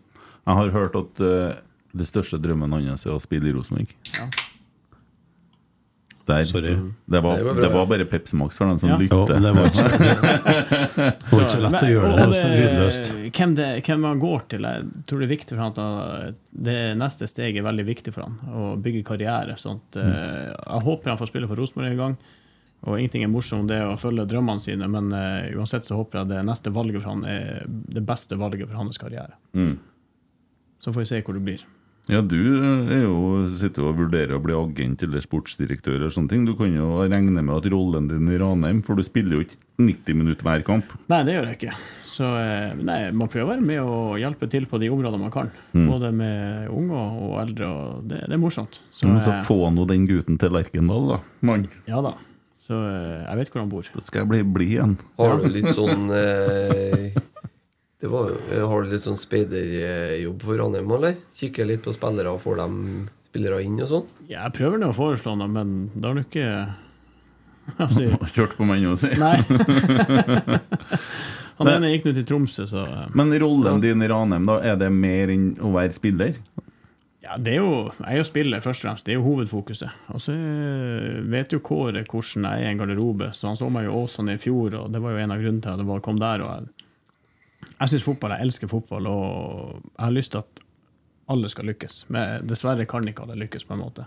Men det å være med og, og bidra på flere områder enn bare på banen, det syns jeg bare er morsomt og givende. Og Mm. Det er ikke at jeg skal ha noe ære for noen ting som skjer, men hvis man kan være med og kanskje gi noen råd og, Som jeg sier, når folk spør meg om ting, jeg kan svare ti ting, og de ti tingene Du, du velger sjøl hva som er bra for deg. Kanskje de, ti, de ti tingene ikke noe som er bra for dem, og det er i hvert fall utelukka dem. Mm. Men eh, jeg har vært med på en del, og det er mange som har potensial til å bli mye bedre enn det jeg var, men det å være profesjonell, der tror jeg det er ikke mange som slår meg. Mm. Ja, det har jeg jo hørt rykter om. Du, du trener godt og gjort det hele tida. Ja, og jeg tror det er derfor jeg sitter her i dag, at det er bonusen min, på en måte. Så eh, det koster å, å være i toppen, og det kan være kjedelig. Og det å forsake ting det er, Folk sier å forsake å gå på kino. Altså, når du skal begynne å forsake kjæreste, familie, bestevenn og de tingene, det er jo det som egentlig er litt Men da er det jo fint at du, hvis du har gode venner rundt deg som også aksepterer og skjønner hvorfor du gjør det. Men, Mm. Litt sånn likt historie igjen av musiker og ja, Ja. ja, Det Ja, forsaker sånn. mye. Ja, men, ja, men en jeg har følt, jeg da, for, for min del, som siden jeg var bitte liten, det er jo Lasse Mm. Kvikstad. Og han er der. Altså Det er 24-7 utøver, akkurat på en måte sånn som jeg har sett du har levd. Så han kommer til å bli Ja, altså, altså Uansett hvor langt Lasse når, da, så er det i hvert fall eh, Det er ikke, det er ikke holdningene som har stoppa han. Han har gjort sånn- det han kan, liksom. For å, Ja, han, den, han lever 24-7 utover livet. Art- Artig at du trekker det fram, for at jeg, har- jeg snakka så mye om Lasse Kvikstad i Rotsekk. ja, spesielt i fjor sommer. Ja, fordi at kontrakten begynte å nærme seg å gå ut og sånne ting. Og liksom, hva gjør vi med han? For at han er så god at vi kan ikke slippe han. Og jeg syns jo ikke at vi har sluppet han når han har gått til Ranheim, for som jeg forstår, så er det en sånn slags avtale der at det er mulig å gjøre litt som vi gjorde med Olaus, antageligvis, og hente han tilbake for sommeren eller noe sånt i den gata. Og det Ja, han har jeg virkelig trua på. Han er god. Du skal få et enkelt spørsmål Eller dere to kan få et enkelt spørsmål sammen, tenker jeg. Det det. lover ikke godt. Jørgen Thorsø, hva må inn og gjøres for at vi skal bli et flaggskip i skandinavisk målestokk igjen? Ranheim. Nei. Når vi sier vi i rommet her, så er Ja, det så mye. ja, jeg skjønte det. Nei, du kan svare, du. Han sliter litt med ironi. Han, eh, jeg tror det, det er viktig at man eh, Man må tørre å være litt tålmodig. Altså, Du kan ikke bare knipse. Altså, du kan ta eh, Mange lag i, ute i Europa som er bra mye større enn Rosenborg også, eh, som har prøvd å ta snarvei av de tingene, men det, det går dessverre ikke. Jeg tror det at eh, Vær litt tålmodig eh, og tørre å bygge klubben og tørre å, å ta de stegene for å, for å komme dit du vil. Eh, Rosenborg hadde, det var jo litt spesielt på 90-tallet, alle de tingene med altså Fotballen har utvikla seg ganske mye i Europa, men Norge har ikke klart å følge like hardt etter, på en måte, som England og de andre store ligaene. Så vi er litt lenger bak der nå enn vi var på 90-tallet. Det må vi innrømme å si. Men det å klare å Om vi klarer å kutte det inn med i hvert fall det å klare å være med og hevde oss der oppe. Fordi da må vi være med, sånn som eh, Bodø nå, som har gjort det relativt bra. Og, Ja. og klarer å være der oppe. Og, de har brukt litt tid. Og det er sånn som eh, eh, Hvis det er sant, altså det, det med Kjetil Knutsen altså Han var jo på et strøkent hår om å ja, ikke få jobbe lenger i Ja, det stemmer, det. ja, de Det hadde, vel ikke, eh, kanskje, de hadde vel ikke råd kanskje til å kvitte seg med han. Og fikk jobbe kontinuerlig og fått spillere og bygd og bygd og bygd. Og bygd og bygd. Og det var jo det Nils Arne også gjorde. Og du ser jo altså Ferguson, du ser med Guardiola du- de, Den som har de type beste track record, det er dem som har fått lov til å faktisk bygge litt. Og, og det tror jeg er viktig, at man må kanskje tåle en åttendeplass i år, og kanskje en sjetteplass til neste år, før man plutselig er oppe og, og nikker på medalje. Og er, for når du er i toppen, så er det jo ofte marginer som, som skiller, og da eh, klarer du å komme dit opp, så kanskje Nypan er for gammel i anførsel til å være med på det toget, fordi han er så god nå at han kanskje blir solgt. Men klarer du å få flere sånne, klarer klarer å bygge videre og dra dem opp, og begynne å bli 20 år og få erfaring både i masse kamper i Eliteserie og Europa, det er jo da du begynner å snakke. Eh, vi, det, men eh, tenker i norsk serie òg, da. Eh, Hvor tror du nå at det kommer til å bli avstand? Eh, altså Bodø-Glimt har jo distansert, og Molde. Eh, det er jo noen klubber som kanskje kan henge seg på der økonomisk, og Rosenborg er jo faktisk litt ak- akterutseilt der. Ja, og, eh, og det er å forvalte pengene på best mulig måte. Du, du må tørre å kanskje Sånn som Nypan er jo en spiller du vil kunne tjene ganske mye penger på. Har du et par sånne til, ikke du må kanskje tåle at de blir solgt, for å kunne bygge den grunnmuren til å kunne gå videre. Investere dem i stall isteden, jo. Ja. Ja, men du må, du må først og fremst sånn, erkjenne hvor du står, og så må du sette deg et, langt, altså et langsiktig, hårete mål, og så må du jobbe med alt. da, tror jeg. Organisasjon, akademi, altså helheten, klubben som helhet, må rigges for å nå det målet sammen. Det største problemet i Rosenborg har kanskje ikke akkurat vært å solgt spillere, det har vært mer å kjøpt. Men det, su suksess er jo ikke et mål, det er jo et resultat. Ja. Der bommer mange. Ja. Det er kloke ord. Ja. Mm. Men da har jeg et spørsmål til deg. Christer, tror du at omgivelsene, og da dem som roper høyest, tåler den byggeperioden i Rosenborg? Ja. Se til at det tar eh, tre år, da. Fire år. og bli et storlag igjen. Tror du Ja, hvis du omgivelsene har, tåler det? hvis du har eh, hvis du- Som en Morten sier, at du blir åtte i år, da. Seks neste år. Tre og én. Da har du i hvert fall en utvikling. Og det, det tror jeg folk Men jeg tror det tåles ikke hvis ikke det gjøres med Rosenborg sin identitet. Men jeg tror- sånn, at, sånn at det er gjenkjennbart For det, akkurat den biten er så spesiell i Trondheim at alle sammen vet hva de Altså, de går på Lerkendal for å se den samme TV-serien som de har sett bestandig, med litt nye skuespillere. Er home and away. Ja. men eh, men det, det akkurat det der at det, det må være den identiteten på banen. Jo, men det, da det er greit, jeg- men det er jo ikke sikkert at du får til den progresjonen at det stiger hvert år. Det kan hende at det går et steg tilbake et år for at det er det som må til for du Det Men det har jo mye med hva du kommuniserer ut, tenker jeg, da, og Ja. får forankra i alt i og rundt klubben at det her er greiene. Og veien dit kan være tre eller fire år, men vi, det er den tida vi gir oss. Og så har- er planen å gjøre det på følgende måte, Ja. og så følger vi den. Og så er det jo liksom den åpenheten da, som klubben nå står for, med de verdiene. Altså, du må ha der, altså, alt av engasjementet da, mest mulig kanalisert inn mot klubben. Burde man da fra styrehold budsjettere med femteplass neste år og skrive mulig Europa? Ikke alltid Europa. Nei, Det må nå styret sjøl få avgjøre, men jeg tror i hvert fall altså, kommunikasjon. da. Så Hvis man legger en sånn plan, og at man erkjenner at her står vi, det tar oss så lang tid, men vi har en plan, og den skal være basert på identiteten, og det skal være gjenkjennbart, og det er sånn vi skal gjøre det. Men er det riktig å jekke ned Altså, en ting er jo ambisjonene altså Hvis du budsjetterer med andreplass eller alt i Europa, eller hva du kaller det. Men den dagen du begynner å senke den ambisjonsnivået du skal til, da så, så har du jo på en Du vil jo tilbake til toppen. Alle skjønner jo det. Men når du, hvis du begynner Hvis du sier at Nei, hvis det blir noe mer kjeks, så er det greit. Nei, men for Rosenborg så vil det aldri være noe annet enn gull som teller. Det, Men du sier ikke at du skal være fornøyd med en åttendeplass? Altså klappe deg på skuldra? Nei, nei, men- Eller sjetteplass neste år? Du skal ikke si ja, yes, vi klarte det. Det er ikke det. Nei. Men du skal vite at vi er på tur fremover. Hvis du går med Tjern og alle de altså dem som er ja, Rosenborg altså, er jo litt religion i, i Trøndelag òg. Ja.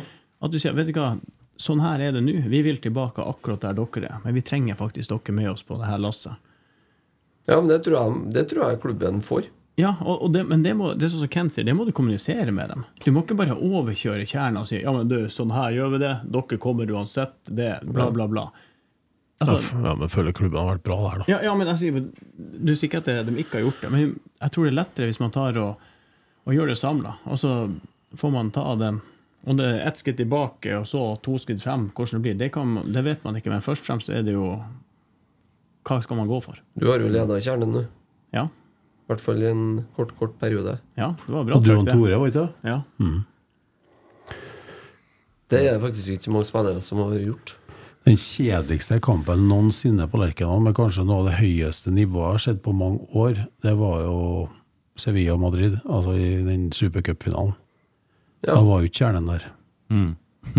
Nei, og hvor merkelig det var å sitte på Lerkendal fullsatt, og det var, altså, det var ikke i nærheten av den stemninga. sånt. Så kjernen er utrolig viktig for ramma rundt kampen. Og de står jo med laget.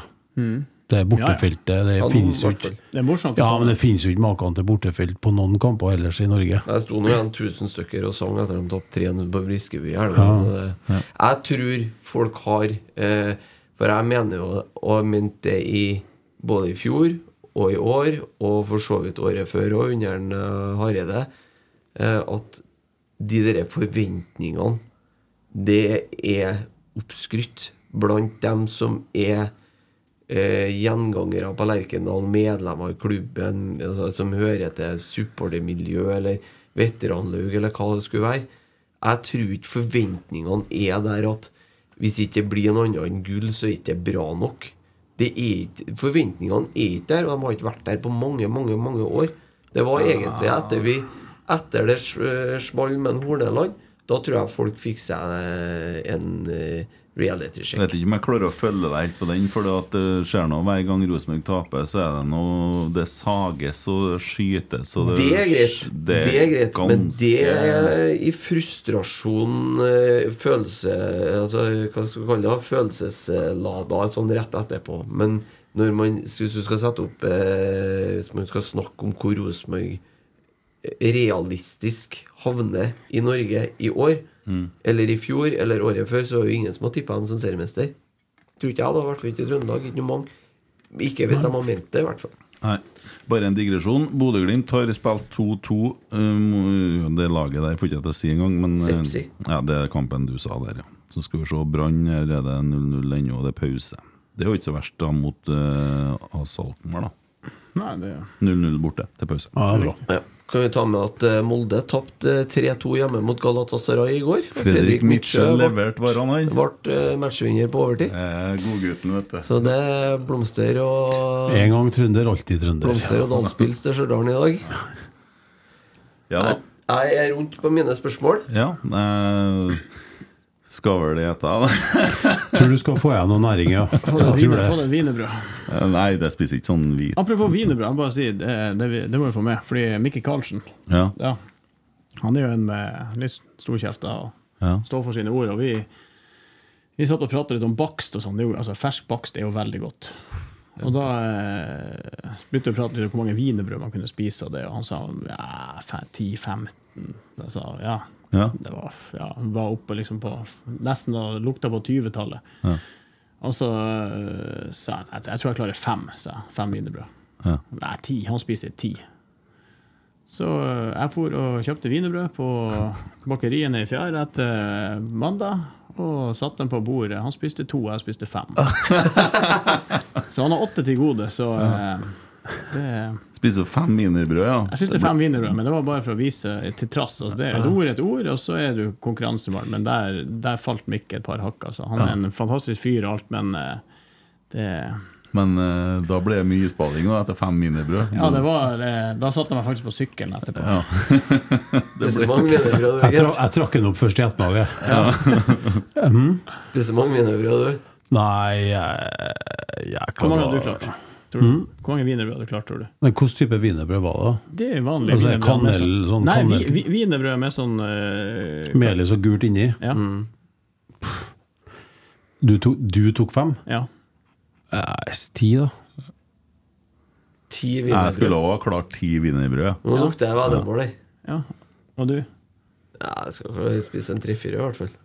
Du, Nei, vi må jo ha et tall her, da, Christer. ja, du, du må slutte å være klart, sånn. jeg spiste fem.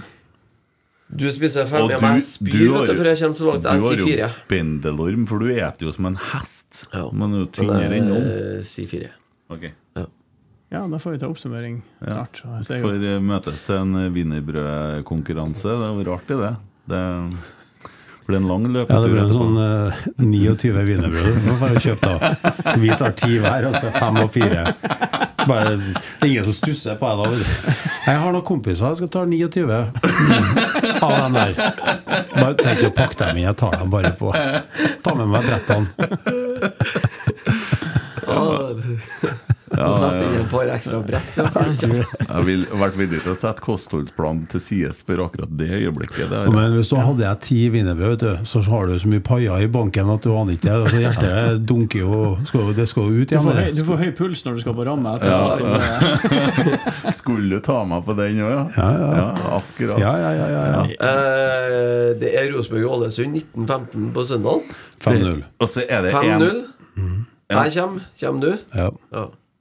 Jeg skal vi. Du skal spille kamp på Ranheim i fjerde? Vi har Start hjemme, viktig kamp. Vi har eh, ganske mye å reversere fra Start borte, så der kommer det til å bli eh, Hvis noen vil ha en morsom fotballkamp med litt trøkk og action, så tror jeg de bør komme og se den. Ja, men de rekker faktisk begge, for dere spiller klokka tre. Ikke? Yes. Ja. Og så for han Agon Sodiku, han er visst kast nede på Sørlandet. Han er de sint på nå, for han har ikke fungert helt som de forventa. Nei, jeg så det sto det i går, ja. Men eh, Start sliter jo litt for tida. Ja, det, de slo Åsane nå, da. Ja. Så, da gjorde de det? Ja, det var 1-0 hjemme, men de har ikke funka helt borte. Så eh, vi håper at de ikke funker helt på søndag. Blir seks poeng på søndag nå. ja. Ja, altså, Jeg syns jo Obos-ligaen er fantastisk nydelig. Det, det er jo mye action der òg. Og artig med Fredrikstad, syns jeg. Det, det, det mener jeg. For det, det er et lag jeg gjerne ser i, i Eliteserien igjen. Godt gammelt storlag. Mhm. Ja. Per Egil Ahlsen, vet du, husker du det frisparket? Ja, jeg gjør faktisk det. Ja. Det gjør jeg òg. Jeg var ikke født, altså. Nei, men, men det er sånn, igjen da, siste gang jeg skal nevne det men er det en som kunne ha gjenskapt akkurat det i en annen kamp, så er det Lasse Kvikstad, faktisk. Ja. Han har det i skuddfoten. Ja, han har det. Ja. Han må bare bruke den litt mer. Ja. Ja. Så det sjukeste jeg har sett av han, det var når Ro Rosenborg 2 spilte mot uh, Trygg Lade. Mm, Og På, fikk på Lade. Ja, fikk tre mann utvist og vant 1-0. Og han skåra på et langskudd. Det, det var så sjuk kamp. Og vi som sto her, da, da begynner du å juble over innkast. Vet du, for at da, det ble jo bare mer og mer spennende etter hvert som de måtte gå av banen, guttene. Så nei, det var artig. Ja. Ja, Vi må minne om en ting til før vi avslutter. ja, nå får han, han bøyne seg en god latter, i hvert fall. Nei, i morgen er det liveshow Det er det. på Verdalen. På turnéteatret. Ja. Jeg trodde det var Rosenborg som skulle dele ut billetter til den festivalen. Ja, så er det visst en festival på festningen, ja. Nei, men det er liveshow på Verdalen eh, klokka mm, eh, åtte. Er det vel det må åpne døren, stemmer ikke? Nei, var jeg litt eh, Nei, det begynner Klok- klokka åtte. Ja, åpne døren klokka sju. Ja. Ja, og da skal jeg, Christer og Emil Eide Eriksen og Emil Almås oppover og underholde. Eh, og vi har laga kjøreplan og har alt klart, og vi tror det skal bli morsomt, da. Ja, vi satser på det, da. Vi Ja. går jo inn med offensiv innstilling, men jeg foreslår jo at du får deg en bedre middag før vi drar. Nei, jeg skal være i enda mer humøret der i morgen, så I morgen skal jeg være lyn hakk forbanna hele tida. Ja. Jeg skal sitte i baksetet sammen med Almås på vei utover. Du vet når Rotsekk starta for 132 episoder siden, så var jeg den grumpy on man-posisjonen hele tida. Skulle sitte her og være sånn sint, gammel, grinete fyr. Eh, Sånn mimreshow i kveld. Nei, men jeg bare kom på det. Nei. Eh, men det blir artig, det. Ja. Det blir stas. For røska han Eriksen løs ifra de fiskerimessene på Spektrum her, og Ja. få han inn i bilen og få han til Verdalen. Nei, men uh, tusen hjertelig takk for at dere tok dere tida. Fra en uh, viktig sesong til begge, vil jeg tro. Ja, ja. Det var godt med litt fotball og avkobling. Deilig, det. Ja. Ja. Så må du huske på å se den serien Ja, på Netflix. så må jeg huske at vi skal spise wienerbrød. Ja, men Det er bare å si fra. Jeg stiller Jeg opp. jeg. alle som spiller, kan dokumentere og spille ti wienerbrød, skal få gratisbillett til Ranum Start. Ja, ja. Det, det, går, det går bra, Jeg Jeg Ja, men jeg sier dem lytterne nå. Ja, Hvis den som kan dokumentere at de spiser ti wienerbrød, skal jeg ordne gratisbillett til dem på Ranum Start. ja. Den er fin. Ja, den er fin. Det lukter en kjempedeal med Rosenborg bakeri nede på fjæra her nå. Har du kjøpt aksjer i Dompakeriet? kjøpt noen aksjer i noe Det er det vi er med på, ja. Ja. Føler jeg som det går mot slutten her. Det går mot slutten. Ja, Når du trykker på knappen nå. Ja, tusen hjertelig takk for stunda. Takk for oss. Rotsekk,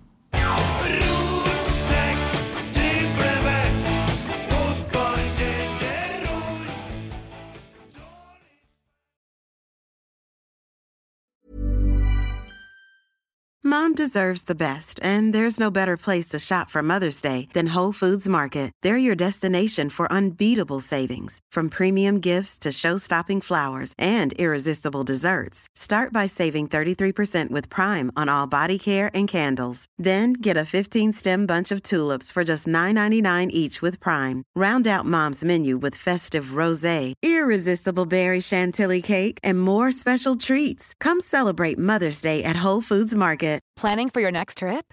Elevate your travel style with Quince. Quince has all the jet setting essentials you'll want for your next getaway, like European linen, premium luggage options, buttery soft Italian leather bags, and so much more. And is all priced at 50 to 80% less than similar brands. Plus, Quince only works with factories that use safe and ethical manufacturing practices. Pack your bags with high-quality essentials you'll be wearing for vacations to come with Quince. Go to quince.com slash pack for free shipping and 365-day returns.